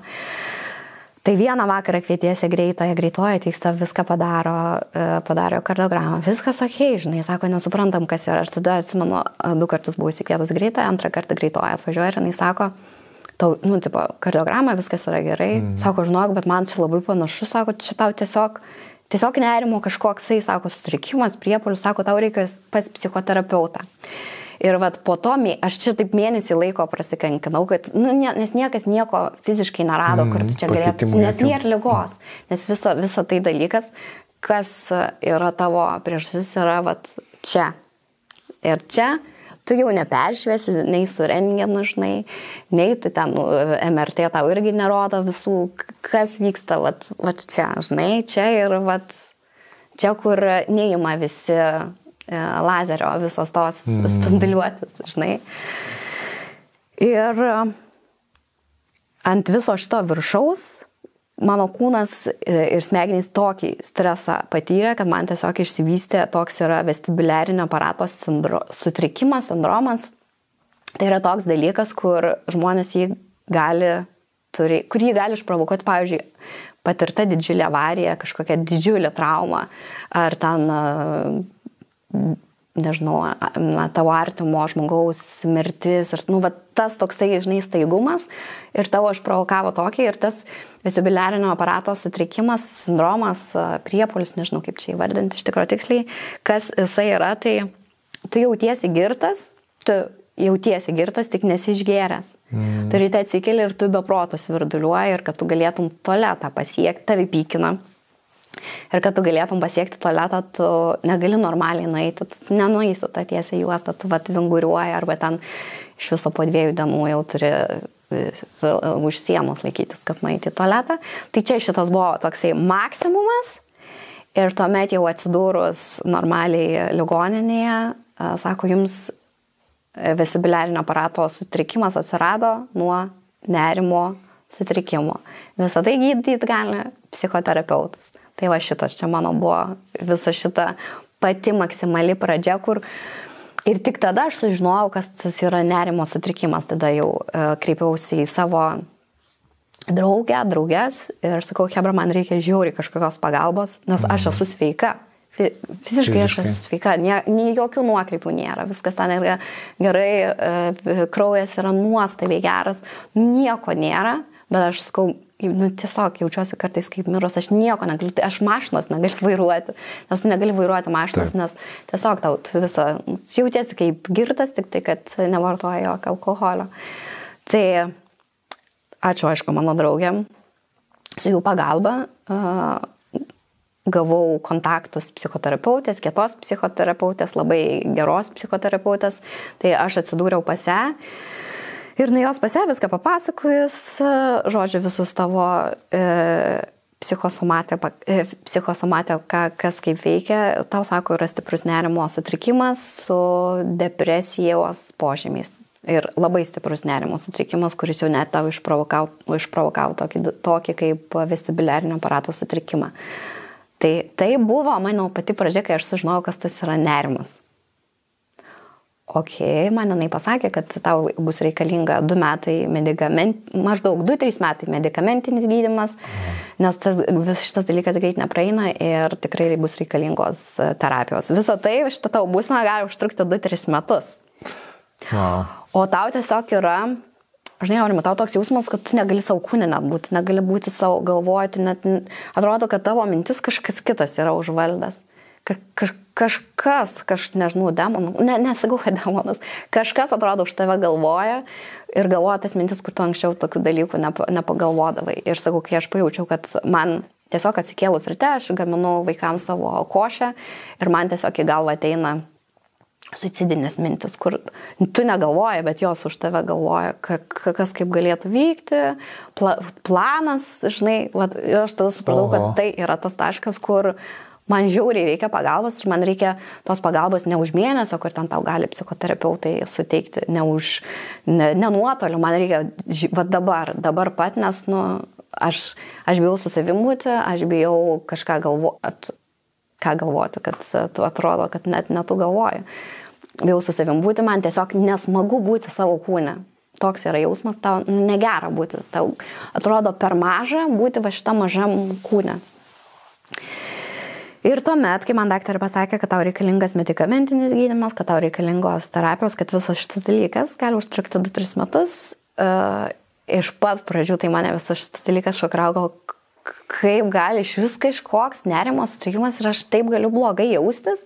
Tai iš pat pradžių aš nesutikau medicamentinio gydimo imti, išėjau iš tos psichoterapeutės Aha. ir ką pirmiausia dariau, tai dar kartą važiavau pasidaryti kraujo tyrimą, dar kartą įstikinti, ar tikrai čia viskas taip gali būti tiesiog tavo galvoje. Taip sunku patikėti. Jo, ir kai man dar kartą patvirtino, visiškai puikus tavo kraujas, nėra jokių nuokrypų. Ir tada vakare man dar vienas smogė, galbūt vienas iš stipriausių tikrai e, nerimo priepolių, kur, vat, kaip tu sakei, kad panikos ataka. Tai nerimo, prie, nerimo priepolius jis gali, žinok, tęstis 12 valandų realiai. Realiai tu gali, va tą dalyką, kai, ką tu sakai, jautėsi panikos ataką, tu gali jausti 6 valandas, tu gali 12 valandų jaustis ir realiai, kol tu išgeri išgeri raminančią tabletę, nes nu, tu nes nemoki tu valdyti viso to nerimo, nes tik paskui tu supranti ir išmoksti visą tą nerimo valdymo techniką, žinai, kaip visą tą mhm. daryti, kaip dylinti. Tai Tai taip ir mano prasidėjo, kad aš tiesiog paskambinau savo daktarai sekančią dieną, kai aš prieš tai atsisakiau medicamentinio gydimo, sekančią dieną aš ją paskambinau, sakau, maldauju, duokit, darykit viską, ką galit, gersiu viską, ką galima, tik tai tiesiog darykim, kad aš galėčiau gyventi savo kūną, išgyventi, nes varoto, kad, nu, tu negali net sėdėti, nusėdėti, tu, nu, tau žiauriai negera, baisus, baisiai didelis diskomfortas būtų savo kūne. Tu truputėlį pasakai e, savo storiuose, mačiau, kur highlightus yra įdėta, e, pasakoji dėl pačių medikamentinių, nes man irgi anksčiau tai buvo toks didžiulis tabu. Aš nors lankiausi terapiją, man neteko pačiam, nu, ir, nes ten vėlgi pas m, kad e, medicamentinį gydimą tu turėjai jau pas... Psichoterapeutą. Jo, pas psichoterapeutą. Ar psichoterapeutą dar kažkoks yra specialistas, kuris paskiria. Psich... Psichiatras lygus psichoterapeutas. Jo, jo, psichiatras, taip. taip. Ir aš pats turiu tikrai labai daug tabų ir aš perskaičiau, žinai, mm, tavo pasidalinimus, bet gal gali papasakoti truputėlį, vad, kokiu mitu žmonės turi. Aš pati dėjau iš tikrųjų tą kabinetą su daugybė mitų, galvoju, čia pradėsi gerti ten antidepresantus ir tu tapsi nebesavas. Bet tu nesi nebesavas, kai tu turi nerimo sutrikimą. Tu nesi mhm. tu, tu esi visai kitoks. Ir kad, ta, kad tu tikrai turi kažkokių vidinių psichologinių dalykų, kurie, kuriuos reikia spręsti ir kad pradėti spręsti, kad turėti, kad nuimti visą tą vat, diskomfortą, apie kurį čia dabar vadinau, kad nebūtų ten traukulių, kad turite atsikėlęs, bent kažkiek norėtum imtis, ar bent norėtum eiti į tą mhm. terapiją, kad uh, turėtum jėgų kažką daryti, tai tau, manau, tikrai reikalingas medikamentinis gydimas. Tai aš irgi atėjau turėdama mitą, tai vienas iš didžiausių mitų, kad tu nebebūsi tu, Ja. Kad, kad čia tavo mintis tapsi. bus kažkokios kitokios, tai turėdamas nerimą, tu irgi nebesituot. Kažkas, mm. vat, kažkas kitaip ten yra. Ten kažkas vat kitaip. Taip, kad, kad tapsi priklausomas, ar ne? Tai aš buvau priklausoma nuo savo geros savijautos. Ir man mano gera savijauta, ta, kur tu atsikeli laimingas, tu jautiesi laimingas ir kur tavo vaikam nereikia matyti mamos, kuri guli lovoje ir kažkokius traukulius jaučia, kur, kurie yra iš, kurie yra nuo kažkokių psichologinių dalykų, ar ne? Mm. Tai aš buvau priklausoma nuo savo geros savijautos ir man nebebuvo baisu, kad aš galiu būti priklausoma nuo antidepresantų. Bet paskui man gražiai mano psichoterapeutė paaiškino, nu, tai nebe. Kada mes matysim, kad jau tu gali gyventi be antidepresantų, tiesiog mes juos e, mažinsim ir nuimsim. Nu tai taip. Tai šiuo metu aš jų nevartoju ir aš juos vartojau nebe 2-3 metus, kaip man buvo e, prognozuojama, aš juos geriau. Sunku pasakyti tikslų mėnesį, bet man atrodo, kad tai bus tarp 7-8 mėnesių, ką aš okay. geriau kokius dar atsineša žmonės metus, ne, apie šitos antidepresantus. Tai manau, šitie du yra pagrindiniai ir didžiausia, kad e, tu nebebūsi mm. to, kad e, bus sunku labai nu, nulipti. Taip. Nu, turbūt, bet kaip vėlgi, kad ta cheminė priklausomybė išsivystys, Kad, nu, tokia, ja, taip. Bet aš suprantu, kad ten nėra, nu, kaip sakai, nikotinas, ar ne, jisai turi grinai cheminę priklausomybę. Ar alkoholis irgi tas pats priklausomybė, bet žmonės kažkodėl nebebijo šitos ar nepriklausomybės mm. irgi kodėl. Dar paskui irgi apie alkoholį galėsim pakalbėti. Turiu savo labai e, nuomonę apie tai. Ok, šiaip įdomu labai išgirsti. Um, gerai, taip. tai. Tai žodžiu, geriant antidepresantus e, irgi žmonės kartais galvoja, kad aš jau pradėsiu gerti antidepresantus ir mano visos psichologinės problemos įsispręs. Tai irgi ne. Antidepresantai, va, nu, ką jie daro, tai jie tau, nu, čia aš kalbu kaip neturintis žmogus medicininį išsilavinimą, mm, bet turintis žmogus e, patirtį tame. Tai jie tau padeda geriau jaustis, ar ne? Jeigu, sakykime, galbūt kartais gali nerimas, uh, prasidėti ir jeigu pas tavai yra kažkoks smegenų, hormono, kažkoks disbalansas, irgi gali tai, žinai, įtakoti. Tai kartais tu, kai pradedi gydytis, nelabai supranti, kas ten pas tave galvoja ir visame viduje. Ir taigi besigydant pradedi, nu, suprasti, dėl ko iš viso atėjo ten nerimas, panikos atakos, ar ten lengva, vidutinė sunkia depresija ar kažkas. Tai Tai, tai, pamiršau klausimą. Čia vėlgi turbūt, tai... aš dabar klausimą neuždaviau. Ne, bet, tai. jo, bet tai yra turbūt e, du dalykai, ne? Mm. Turiu menį, e, vienas tas depresyvumas, o kitas pats nerimo sutrikimas, jie be abejo yra susiję, bet aš įsivaizduoju, medikamentinis gydimas jis turbūt tą depresyvumą sumažina, ne? Taip, ir tau kažkiek bent motivacijos atneša, nu, vad spręsti. Ja. Tavai sprendžiam jie visas šitas problemas. Tai vad man labai reikėjo to, man reikėjo bent kažkiek ryte laiko, kad aš gerai jausčiausi.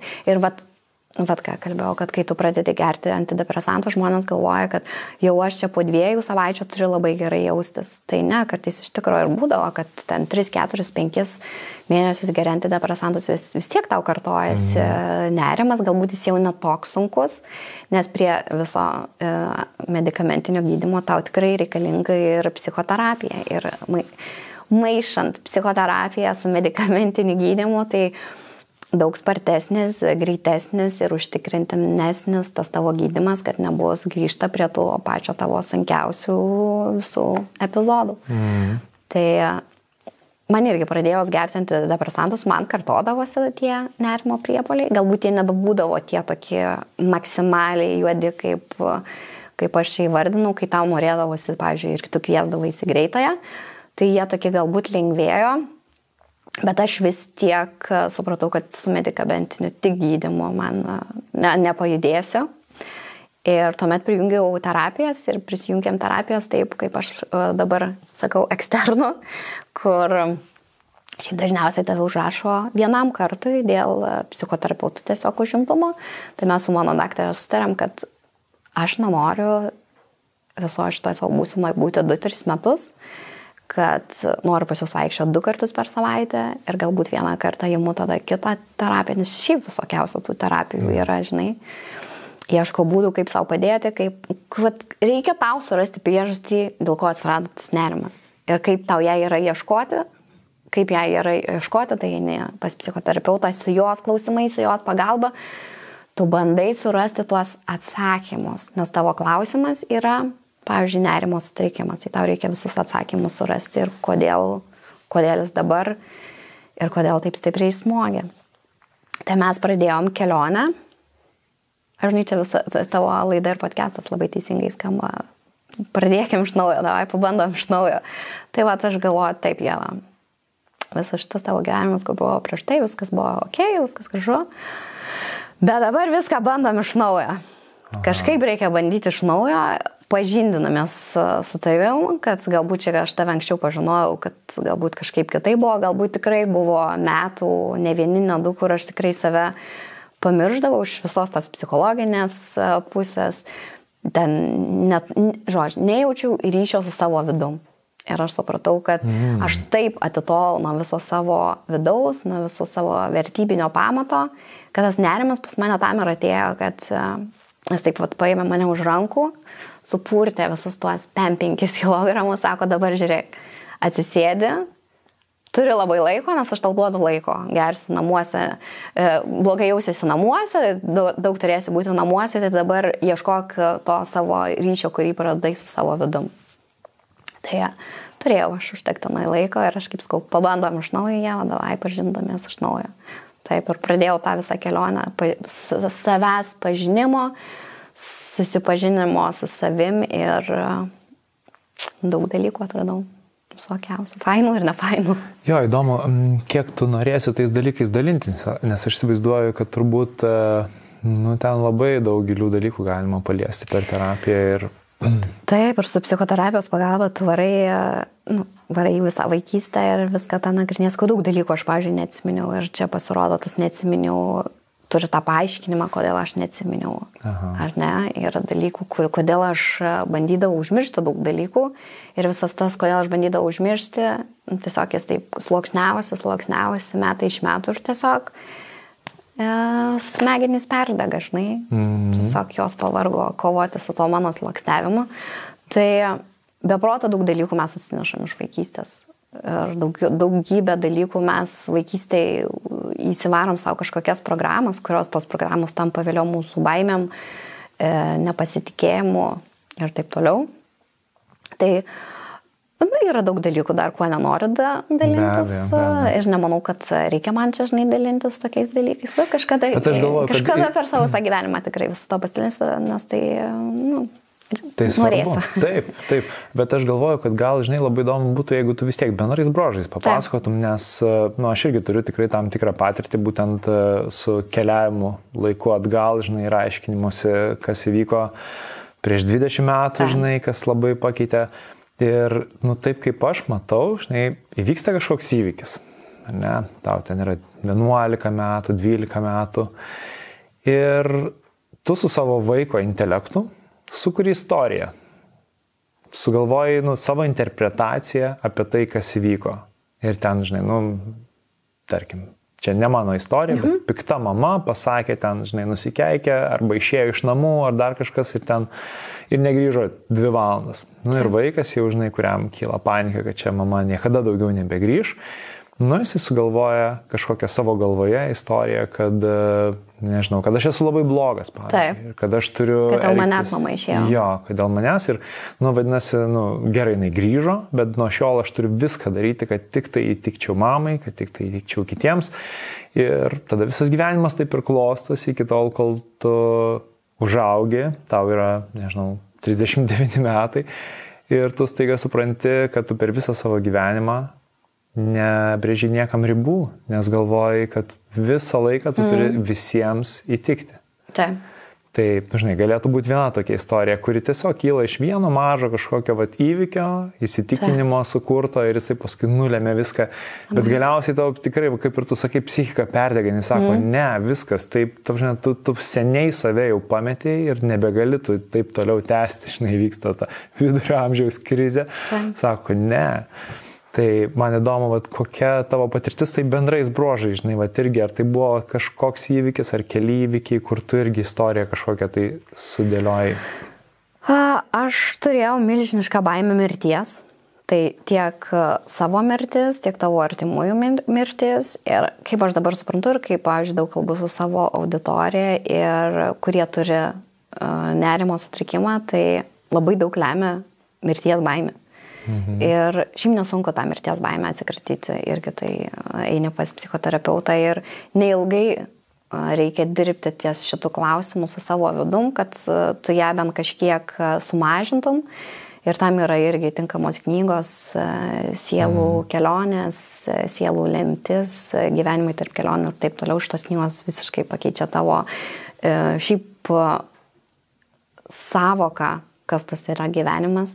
Ir tu supranti, kad tavo gyvenimo tikslas yra pasimti visas tas pamokas šiame gyvenime, šiame kūne, e, su kuriuom kurių tu atėjai, iš ko, ko tu atėjai pasimokyti, ar ne, mhm. į tam tikras pamokas.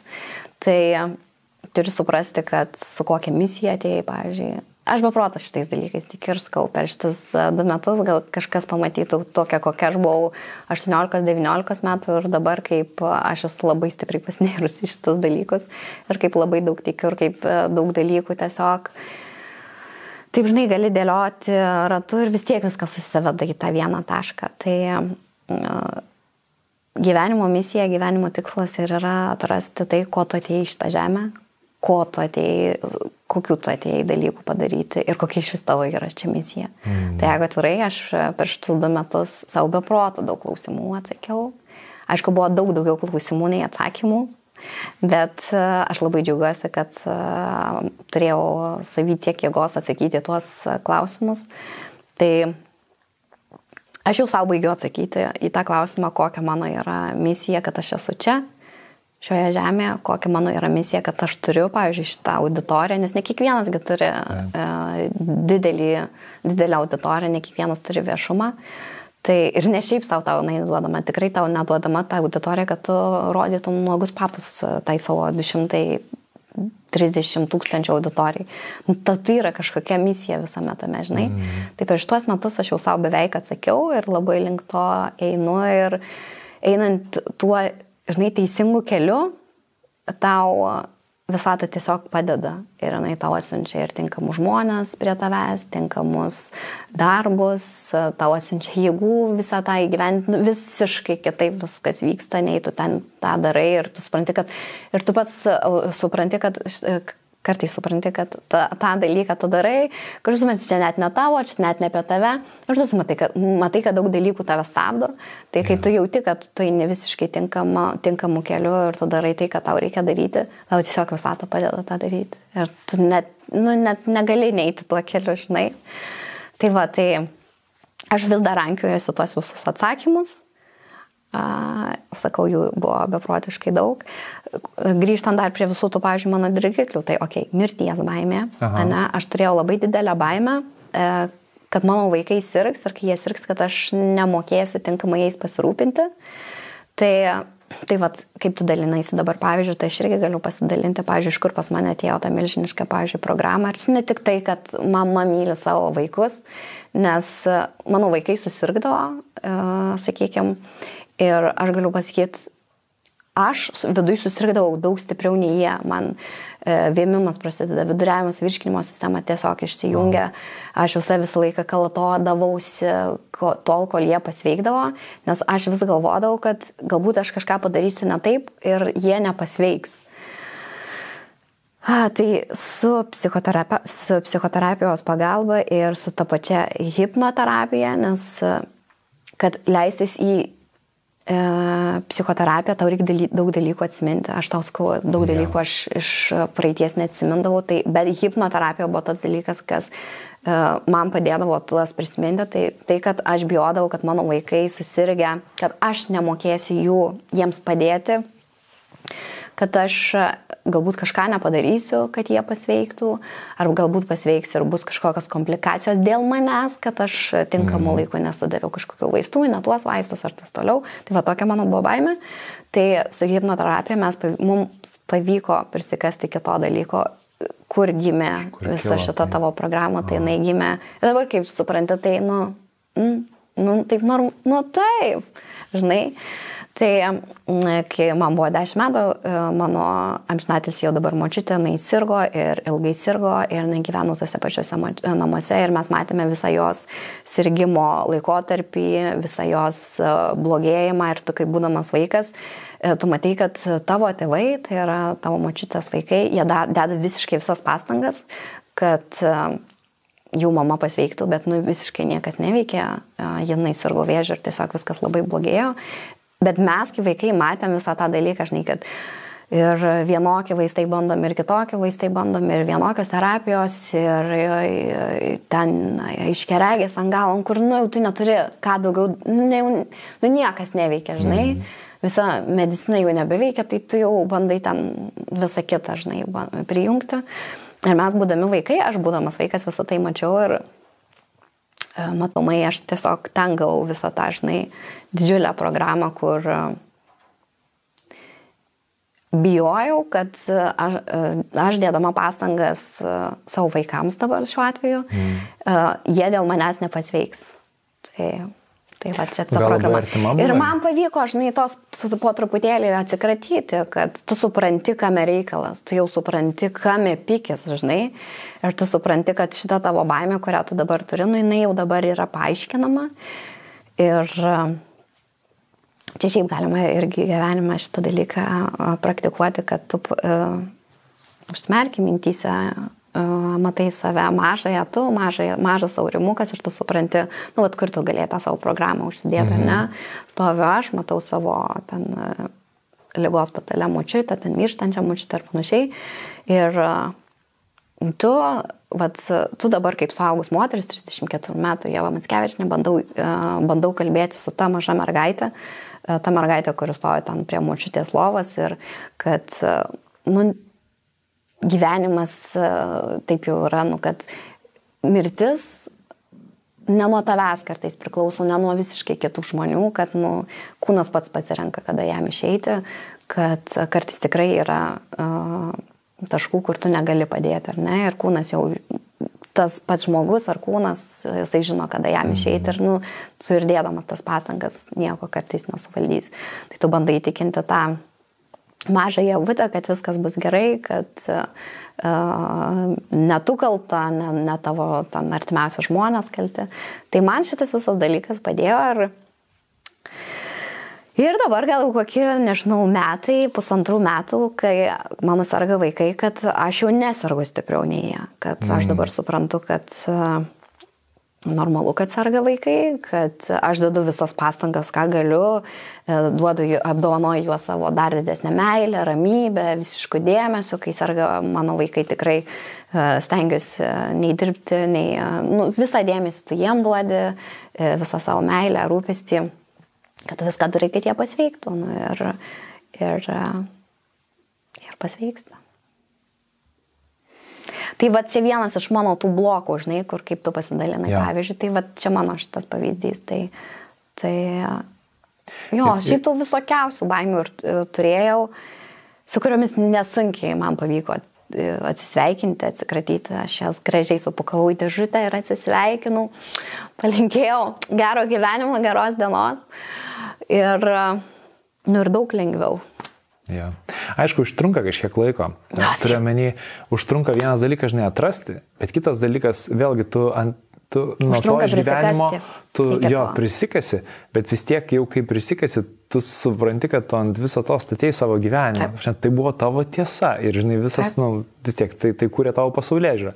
Ir, ir tada tas mažas saurimukas ar maža javutė, žinai, nu, turi pergyventi daug visų kitų patirčių, kurias Taip. išgyveno ir jas iš naujo realiai perprasminti, net nebūtinai samoningai, tas Taip. gali vykti nesąmoningai bet tai turi vykti ir tai užtrunka. Tai aš žinau, kad daug m, psichologinių problemų, pažiūrėjau, turi žmonės, kurie ten vaikystėje daug, daug labai sunkių kažkokių dalykų patyrė ir dabar, pažiūrėjau, kankinasi e, e, dėl psichologinių kažkokių dalykų, dėl vaikystės tų visų patirtų traumų, ten mhm. smurtas, tėvų palikimą, tėvų, kad tėvai tave paliko, kad ar tėvai neaugino tavęs, tėvų mirtis ir panašiai. Tai čia yra nuostabi iš tikrųjų praktika, galbūt jinai jokingai skamba, bet tiesiog reikia ją pabandyti.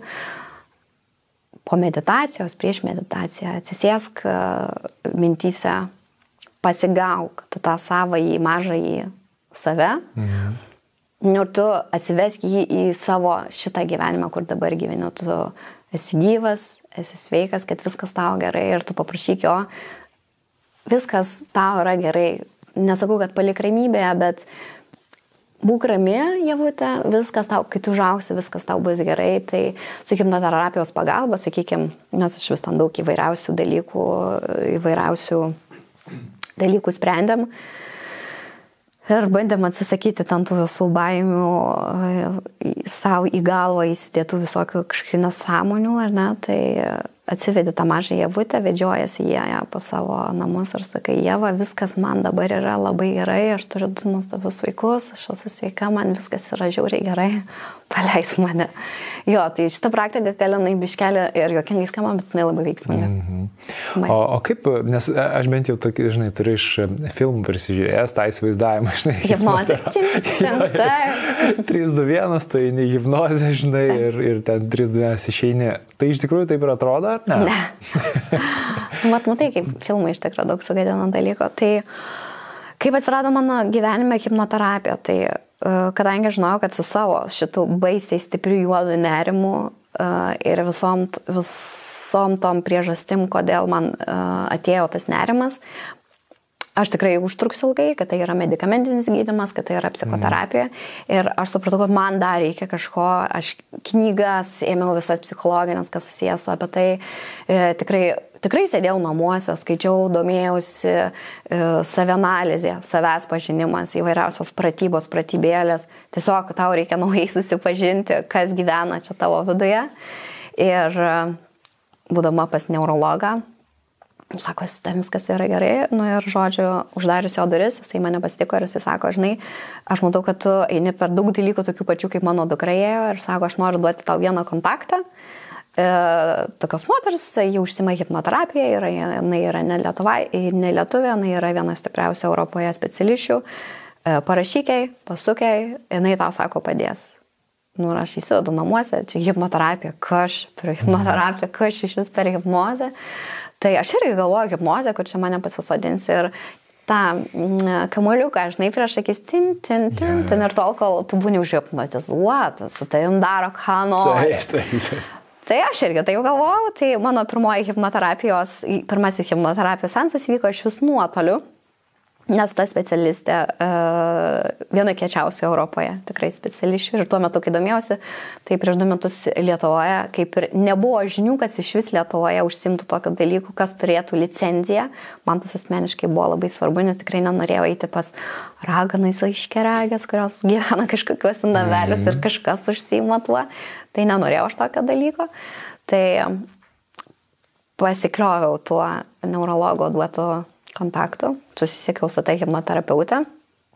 Ir visą tai vyko nuotoliu ir pasirodo, kad tai visiškai gali vykti nuotoliu, okay. kad tau tai reikia įsijungti kompiuterį ir tau sako, ką reikia daryti. Kad tai aš supratau, kad hipnoterapija, hipnoterapija yra panašiai kaip meditacija, tai yra truputėlį tu giliau įeini į savo pasąmonę ir tai nu su savo tiksliu klausimu ieškodamas atsakymo ir prisiminimų pagalba tau ateina tie atsakymai. Ir tie atsakymai susiveda taip gražiai, jūs net neįsivaizduojat. Tie visi atsakymai tampa tokie akivaizdus, kad tu paskui, kaip aš galvoju, viso to nepastebėjau, kaip man, kaip man viso to, visas tas mhm. dalykas neda, neda, nedaėjo. Tai nėra čia kažkokia hipnoterapija, nėra čia kažkokios mistikos ar dar, ar nežinau, kažkokių būrimų.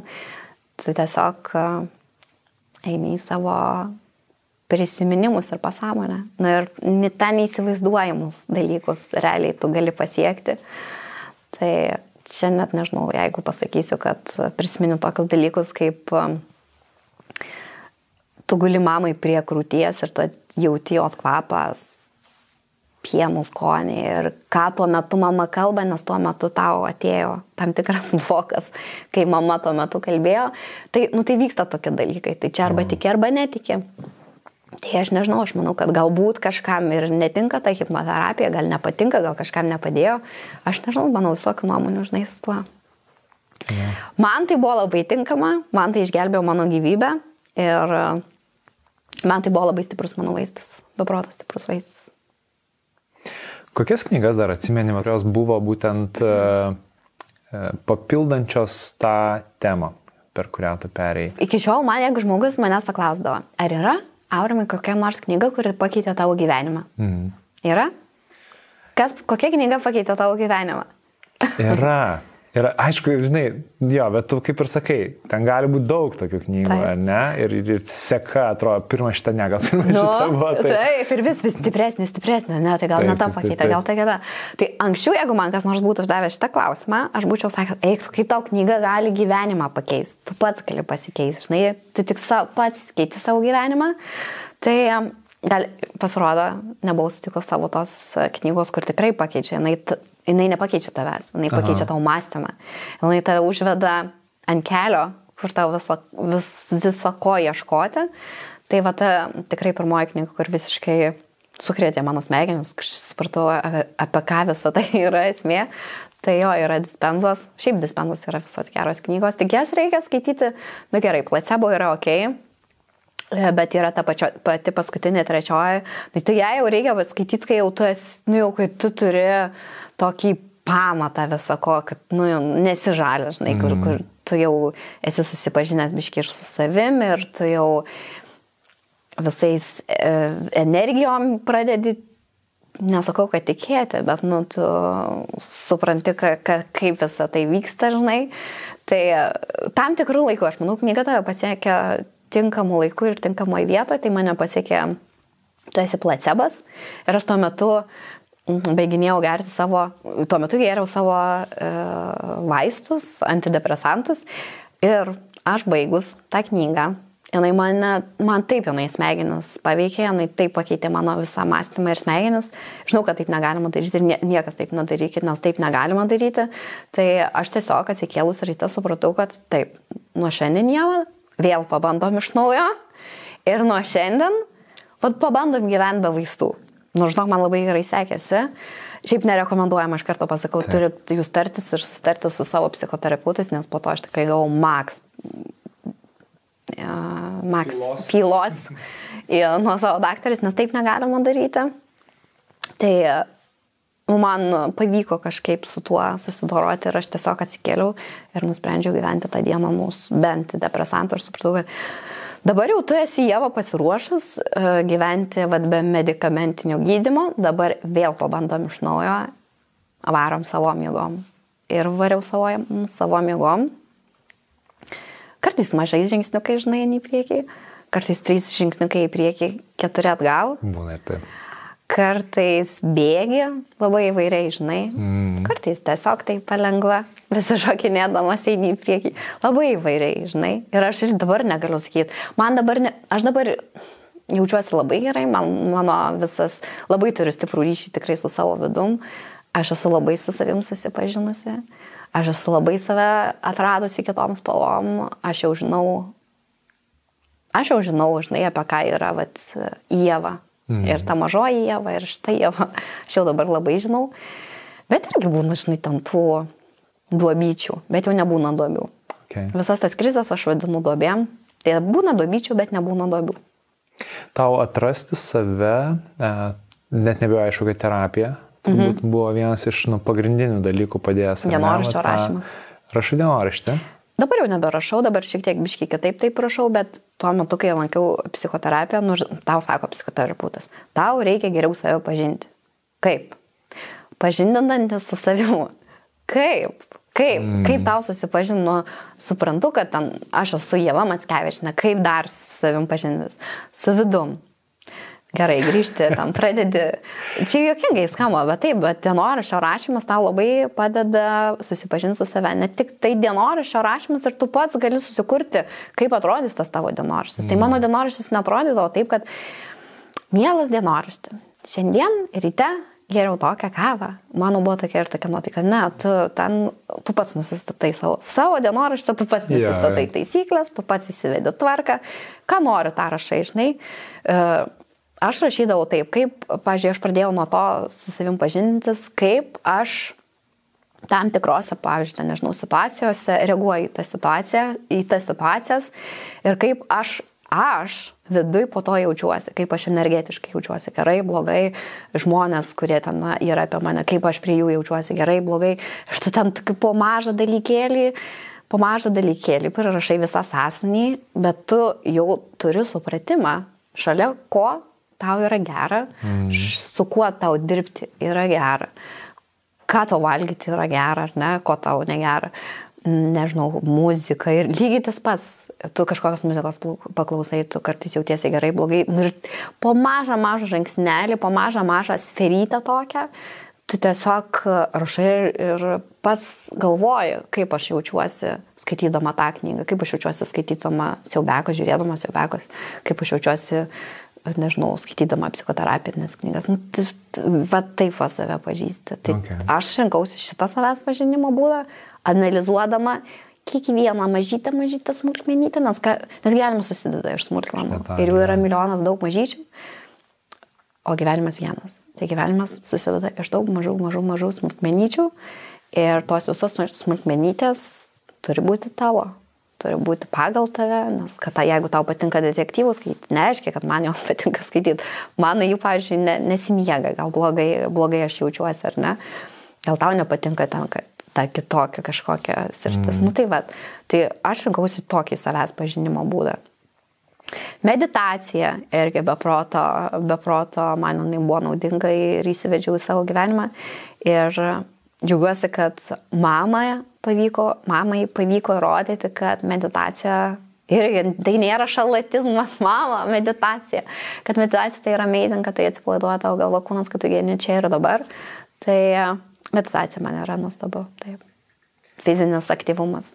Daug dalykų čia.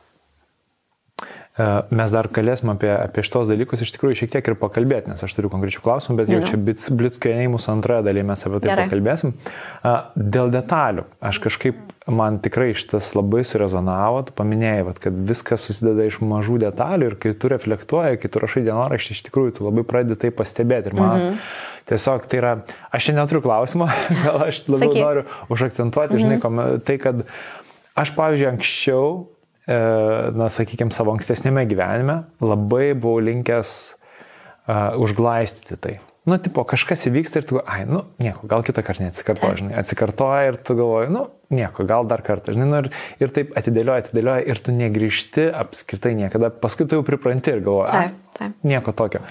Bet iš tikrųjų, va, tas, kai tu pradedi kiekvieną mažą detalę vertinti ir jeigu tave, nu, tau tai sukelia emocinę reakciją, mhm. tu ne, ne, nepabėgi nuo to, atsigrėži, mhm. kas įvyko, tu išsprendi tai Ir tu taip išvengi kažkokios didelės krizės, gal netgi po 20 metų, taip. arba galbūt nu, kažkokio tai didžiulio ginčio, kuris jau bus visiškai instinktyvus taip. ir nesąmoningas ten po metų. Taip. Tai man atrodo labai svarbu kuo anksčiau pagauti iš tikrųjų ir, ir dienoraštis nu, turbūt vienas geriausių įrankių tą padaryti. Taip, vienas paprasčiausias, žinai, nesvarbu, ar tu rašysi jį ranka, ar tu tiesiog kompiuterį rašysi mm. iš tikrųjų. Aš pradėjau iš vis naucuose visą tai rašyti, nes man dar prie viso mano nerimų sutrikimų ar nemiga jo. kur parom kartais atrodo tęsdavosi, bet vaistų pagalba mm, tų pačių antidepresantų pavyko po biškiai iš jos išbristi, tai aš naktim užsidėdavau, rašydavau.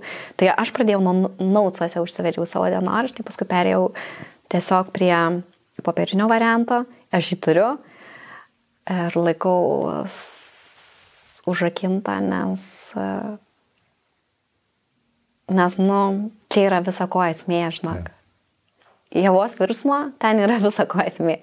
Tai nesakau, kad visas tas dalykas ne, kažkada netaps knyga, nes mm. realiai ten yra nerimo sutrikimo pagrindai. Galbūt, žinai, someone. Tai va, tai Okay. Dar vieną dalyką aš noriu Jums paminėti, e, apie Jėvą kalbėjau apie dispensos knygas. Šiaip e, atsikratykite įpročio būti savimi. Yra knyga, kuri man atrodo labai labai gera, jinai jau yra išleista audiotekoje ir jau yra bestselleris visiškas ir suprantu dėl ko, tai yra tikrai nuostabi knyga. Taip. Jūs esate placebas, knyga labai greit pasirodys, tai galbūt nežinau, kada žiūrit šitą laidą, bet jeigu žiūrit po kokio mėnesio nuo jos išeimo, tai gali būti, kad ta knyga jau yra audiotekoje, tai pasi, pasiklausykit. O taip pat pasirodys ir jūs esate ant gamtiški, ta trečioji knyga, bet jau truputėlį vėliau. Tai dar tą norėjau akcentuoti. O tau turiu klausimą, truputėlį, kad jau uždaryti tą nerimo temą. Gerai, nes kai tu ją pradėjai, iš tikrųjų, mm. tu pasakojai apie tai, kad tu rašai magistrinį, ten buvo vaikas, dabar prasme, tu mm -hmm. labai labai pervargai.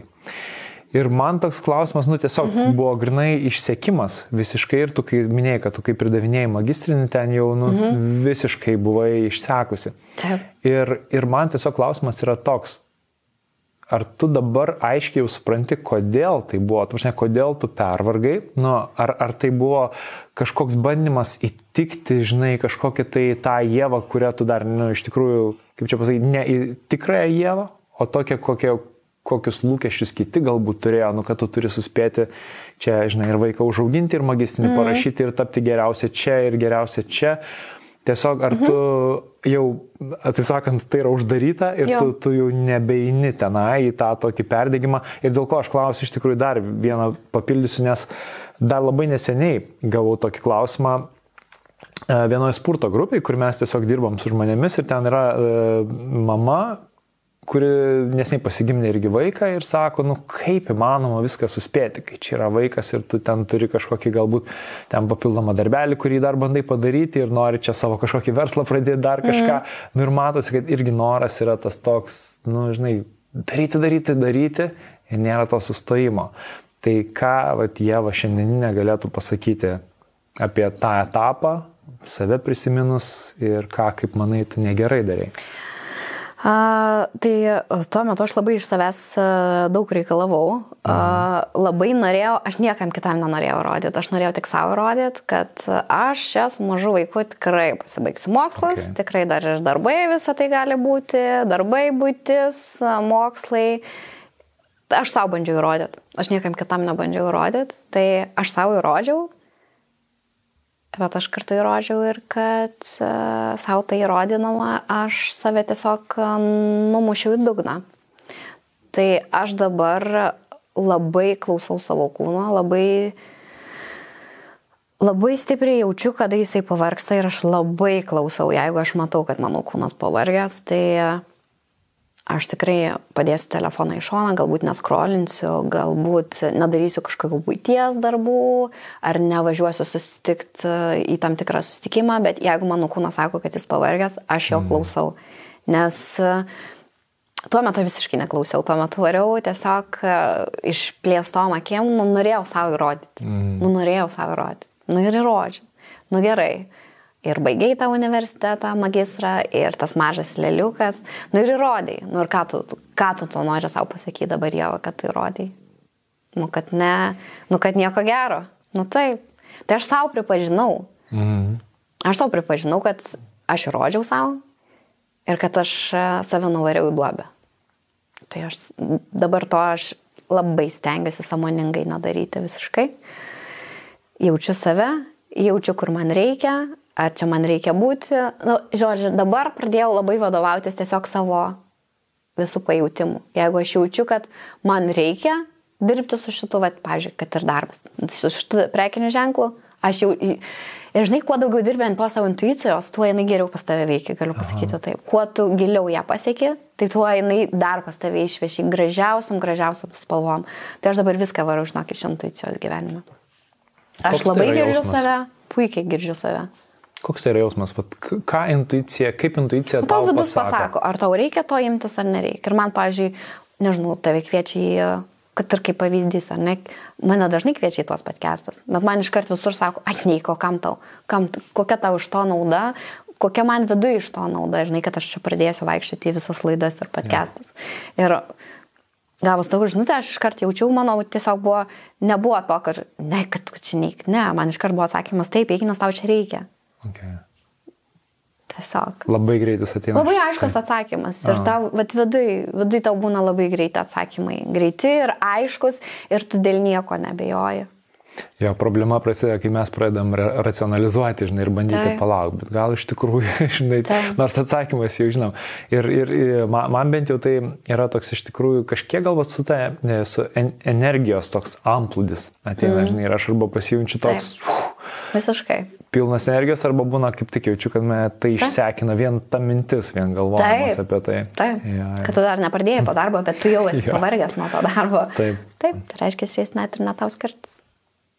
Ok, paskutinis klausimas prieš perinant į mūsų bliskioniai dalį, nu, nu, susijęs galbūt šiek tiek su to, mes, ko mes pradėjom laidą mhm. ir aišku, kaip ir turbūt galima jau buvo iš viso mūsų pokalbio gauti atsakymą, bet apibendrinant, uh, Kodėl tavęs yra vat, bendrai mažiau, sakykime, toj visoj um, žiniasklaidoje mhm. ir panašiai, vat, paskutinius du metus? Tai tas ir yra, kad aš tiesiog e, samoningai pasirinkau nešvaistyti savo energijos ten, ten kur nereikia. Okay. Kad aš tiesiog jaučiu, kur, kur man norisi eiti. Ne? Ir, o visus į tuos renginiai, kažkokie, žinai, ten tau net nežinomų nežinau, įmonių kažkokie gimtadieniai, kad aš, žinai, aš savo vis bandau atsakyti, koks tikslas man ten eiti.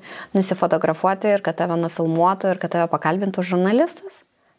Man to nereikia. Nu, ma, ma, aš savo viduje ne, neturiu tos kažkokios, mm. nuo to aš geriau nesijausiu, žinai. Aš nuo to geriau nesijaučiu, aš nuo to nebūsiu energingesnė, aš nuo to ryte laimingesnė neatsikelsiu, kad mano ta nuotrauka atsidurs kažkokio žurnalo uh, tuose puslapiuose, kur kas apsilankė renginį. Aš tą laiką geriau savo išnaudoju ir man tas yra fainiau namuose. Aš jau geriau savo visas gėlės pasiliesiu, nusivalysiu dulkes, pabūsiu su vaikais ar tiesiog pagulėsiu ir filmą pažiūrėsiu. Tai aš labai samoningai pasirinkau uh, eiti ten, kur tau norisi eiti. Okay. ir būti su tai žmonėm, su kuo tau norisi būti, dirbti su tai, su kuo tau norisi, labai visiškai samoningai. Ir tiesiog, nu, matai, ant kiek tai yra akivaizdu, jums visiems atrodo, kad aš tiesiog nustojau visur vaikščioti. Nu ne, aš tiesiog pradėjau vaikščioti tai, kur man norisi eiti. Bet man tada reiškia mažai, kur norisi eiti iš tos vat, viso to viešo kažkokio burbulo, kur tau nueit nusifotografuoti prie senelis. Tai, mm, aš savo nesijaučiu vidui, kaž, nejaučiu vidui pridėtinės vertės, kad aš nueinu ten kažkur nusipirkti, kad aš niekur neinu. Geras. Šiaip gal ir dėl darbo, aišku, jeigu ten būna mano kažkokių mylimų prekinių ženklų, su, kuriu, su kuriais jie mano darbiniai santykiai, jų yra gimtadieniai, ar net jų įmonių gimtadieniai, ar ten esu kviečiama iš darbinės pusės, aš visada eisiu, taip, nes, na, nu, man yra svarbu parodyti pagarbą uh, tiem prekiniam ženklam ar įmonėm, su kuriais aš dirbu. Bet tie, kuriem, kuriem net tiem žmonėm net nesvarbu, ar aš būsiu ten, kur kažkokio žurnalo gimtadienis, kuriem net nesvarbu, ar aš būsiu ar ne. Tai yeah. kodėl man turi būti svarbu ten eiti. Tai aš samoningai pasirinkau neiti. Geras.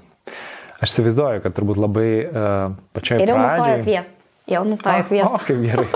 Nes mato, kad o kam tas įskvietimo, jeigu jinai neina, jau nustojo kviesti. Tai jau yeah. gerai, jau yra. Pradžioj turbūt eini ten, nes atrodo, kad o tai reikalinga tam, kad tai didintų tavo pačios populiarumą. Taip. Žinai, ir, ir, ir Manau, tu taip kad... nesąmoningai įsivažiuoji į tą tokį. Jo, Taip. Jo.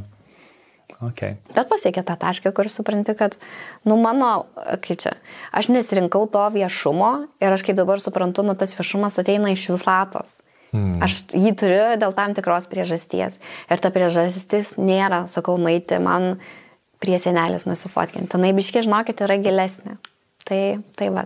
Taip ir taip nerealu, žinai, kad prasme, kokius dalykus tu gali sukurti su visa ta energija, žinai, kurią tu anksčiau skirdavai. Na, nu, tu turi didelę galę rankose. Ja. Ir tu supranti, kad tu ją turi ne, sakau, ne šiaip savo ir ne, taip, ne tam, kad papus rodyti ekraną. Mm. Tai va. Tai. Be vienas iš dalykų, dalykų, apie ką aš norėjau pakalbėti, apie jūsų sinerim irgi, kurie man laidą mm. daug dar ką norėjau. Galvoju, apie kokią čia rodymą ekraną. Ne, ne, ne, ne apie, apie tai tai ne. Um, ir, ir, ir šiaip kitus dalykus, kuriuos nuostabius tu kuri, dabar jau nebeaptarsim, mes perinam iš tikrųjų į mūsų Blitzkioje, kur aš turiu Gerai. dar kokie 15 klausimų, bet jie bus labai trumpi, labai konkretus ir tiesiog jie yra labai įdomus, aktualūs mūsų e, tai PIN auditorijai. Gerai. Specialiai PIN bendruomeniai Contribui dar beveik pusės valandos trukmės Blitzkioniai su Jėva Matskevičiane, kuriame pasikalbėjom apie gyvenimo balansą, motivaciją, discipliną, įkvepiančias rutinas ir gal kiek netikėtai šiai rubrikai, tai koksgi iš tiesų yra Jėvos vyras Rolandas po visomis tomis kaukėmis, kurias mes matom. Dalinuosi trumpa šio pokalbio ištrauka. Aš taip manau, bet čia yra. taip, aš įsivaizduoju, kad yra niuansų ir, ir čia, žinai, kiekvienas žmogus turi savo. Kodėl yra sustabdyta ta finansinė energija, ta finansų energija? Čia ja. vat yra klausimas. Hm? Žurnalistai klausdavo. O tai kaip jūsų santykiai išsilaiko, kai jūsų gyvenime atėjo rutina? Rutina yra gyvenimas stebuklas, rutina yra geriausia, kas gali būti. Nes... Off-script nueisiu, bet e, tu minėjai, kad į ofisą važiuoja, Taip. ne? Ir dirbi savo mylimą darbą. Ką tu įvardini? Vat, ką jie dirba visą dieną? Nu, tu žinai, koks yra tavo darbas? E... Nuostabu. Dievinu aš jį iš tikrųjų. Ne, negalėjau paminėti. Ne, ne, viskas gerai. Tiesiog vadinasi, sakau, nuostabu. Taip, taip, nuostabu, taip, o taip, taip, taip, taip.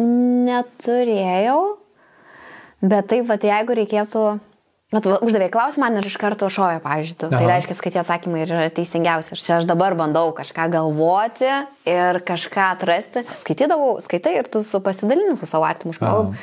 Tai jis sako, nu taip, o tai, ko, tai tu kitaip galvoji. Tai iš Kaip, sakau, tai kiek tu laiko taip galvoji? Kodėl man nesakėjai? Jo, nu man, ir man taip gaila, kad žmonės jūs jo nepažįsta, koks jisai. Nu, bet kažkada susipažins, manau, tikrai. Aš tau dėkoju labai, Jeva, tikrai labai labai nuostabiai praleidau tam laiką. Tikrai įdomu, kaip mes paklaidžiam ten, kur aš gal kiek kitaip įsivaizdavau mūsų pokalbį, bet mm -hmm. man atrodo, jis gavosi šimtą kartų nuostabesnis. Jo, bet mes labai daug ko nelietėm. Mm. Galės antrą kartą pakviesti. Reikės pakviesti, ja, tikrai dar atrodo Taip. tiek daug praleidom. Labai daug nepalėtė. Skrolinu žemyn. Tai va, bet ačiū. Iš tikrųjų, manau, kad labai labai vertingas šitas pasidalinimas bus tikrai visiems. Aš irgi taip manau ir e, jisai bus e, toksai beproto gilus, kur, e, nu, nesu tiek daug visko dalinus savo socialiniuose tinkluose, tai mm. tai dėl to ir norėjausi ateiti pas tave ir su tavo auditorija visą to pasidalinti. O šiaip žmonės Būkit sveiki ir nu, nepalikit visų šitų psichologinių dalykų, ar jaučiat ar baimės, ar jos tik tai stiprėja, ar kažkokie, kažkokie neįspręsti dalykai gyvenime, tai nepalikit to likimo valiai, nes nu, pavarksta mūsų smegenys su, su tuo mm. kovoti ir tiesiog tada paima ir labai gerai supurto visas tas dalykas. Tas supurtimas, nes tave taip supurto, kad tau paskui sunku susirinkti save, žinai. Ja. Tai maldauju jūsų, nepamirškite savęs ir jeigu jaučias, kad reikia psichologinės pagalbos, tai kreipkitės, kur tik tai galit. Šiaip visi vis man rašo, rekomenduok psichoterapeutą, kad jie visi yra dabar tokiam savo bizekė maksimaliam, kad tiesiog į Google vedatės ir ieškot ir skambinat, kas greičiausiai priims. Šiaip dar labai norėjau pakalbėti tą temą, kad čia mūsų yra milžiniška valstybės spraga visas šitas dalykas ir kad jinai dar tik tai gilės, kad, nu, tau sunku prisi, prisiskambinti, prisiregistruoti psichoterapeutui, o žmonės valdiškai eiti, jie bijo, dėl ko bijo daug dalykų ir kitanais, ar ne? Mm. Tai mhm. čia yra tokia milžiniška spraga ir jinai nesprendžiama tik tai gilės ir jinai gilės, nes niekas jos nesprendžia. Ir kad mes, nu, vat, me, mes turintys auditorijos, yeah. tą spragą tik tai mes kažkiek galim truputėlį padengti, bet mes jos neįspręsim. Tai va. Ok. Ačiū tau labai. Ačiū tau labai. Kviečiu prisijungti prie PIN vidinio rato adresu contribui.com, pasviras brūkšnelis PIN ir klausyti šio pokalbio tesnio. Ten taip pat gali kiekvieną mėnesį gauti po vieną audioteka šortą ar net po pilną audio knygą, klausytis seminarų pintemomis, platformoje rasi visų ankstesnių laidų Blitzkioniai įrašus bei svečių knygų rekomendacijas. Beje, nuo šiandien PIN podcastą video formatu gali žiūrėti ir Spotify. Ir ne tik. Ten taip pat gali tapti prenumeratorium ir už papildomą mokestį žiūrėti ir Blitzkioniai bei specialius PIN epizodus. Jeigu laida patiko, nepamiršk paspausti liuksą, užsiprenumeruok, kad nepraleistum naujų epizodų, o komentaruose pasidalink savo įspūdžiais iš šio pino. Galbūt jis įkvėpia kažką pakeisti ir savo gyvenime.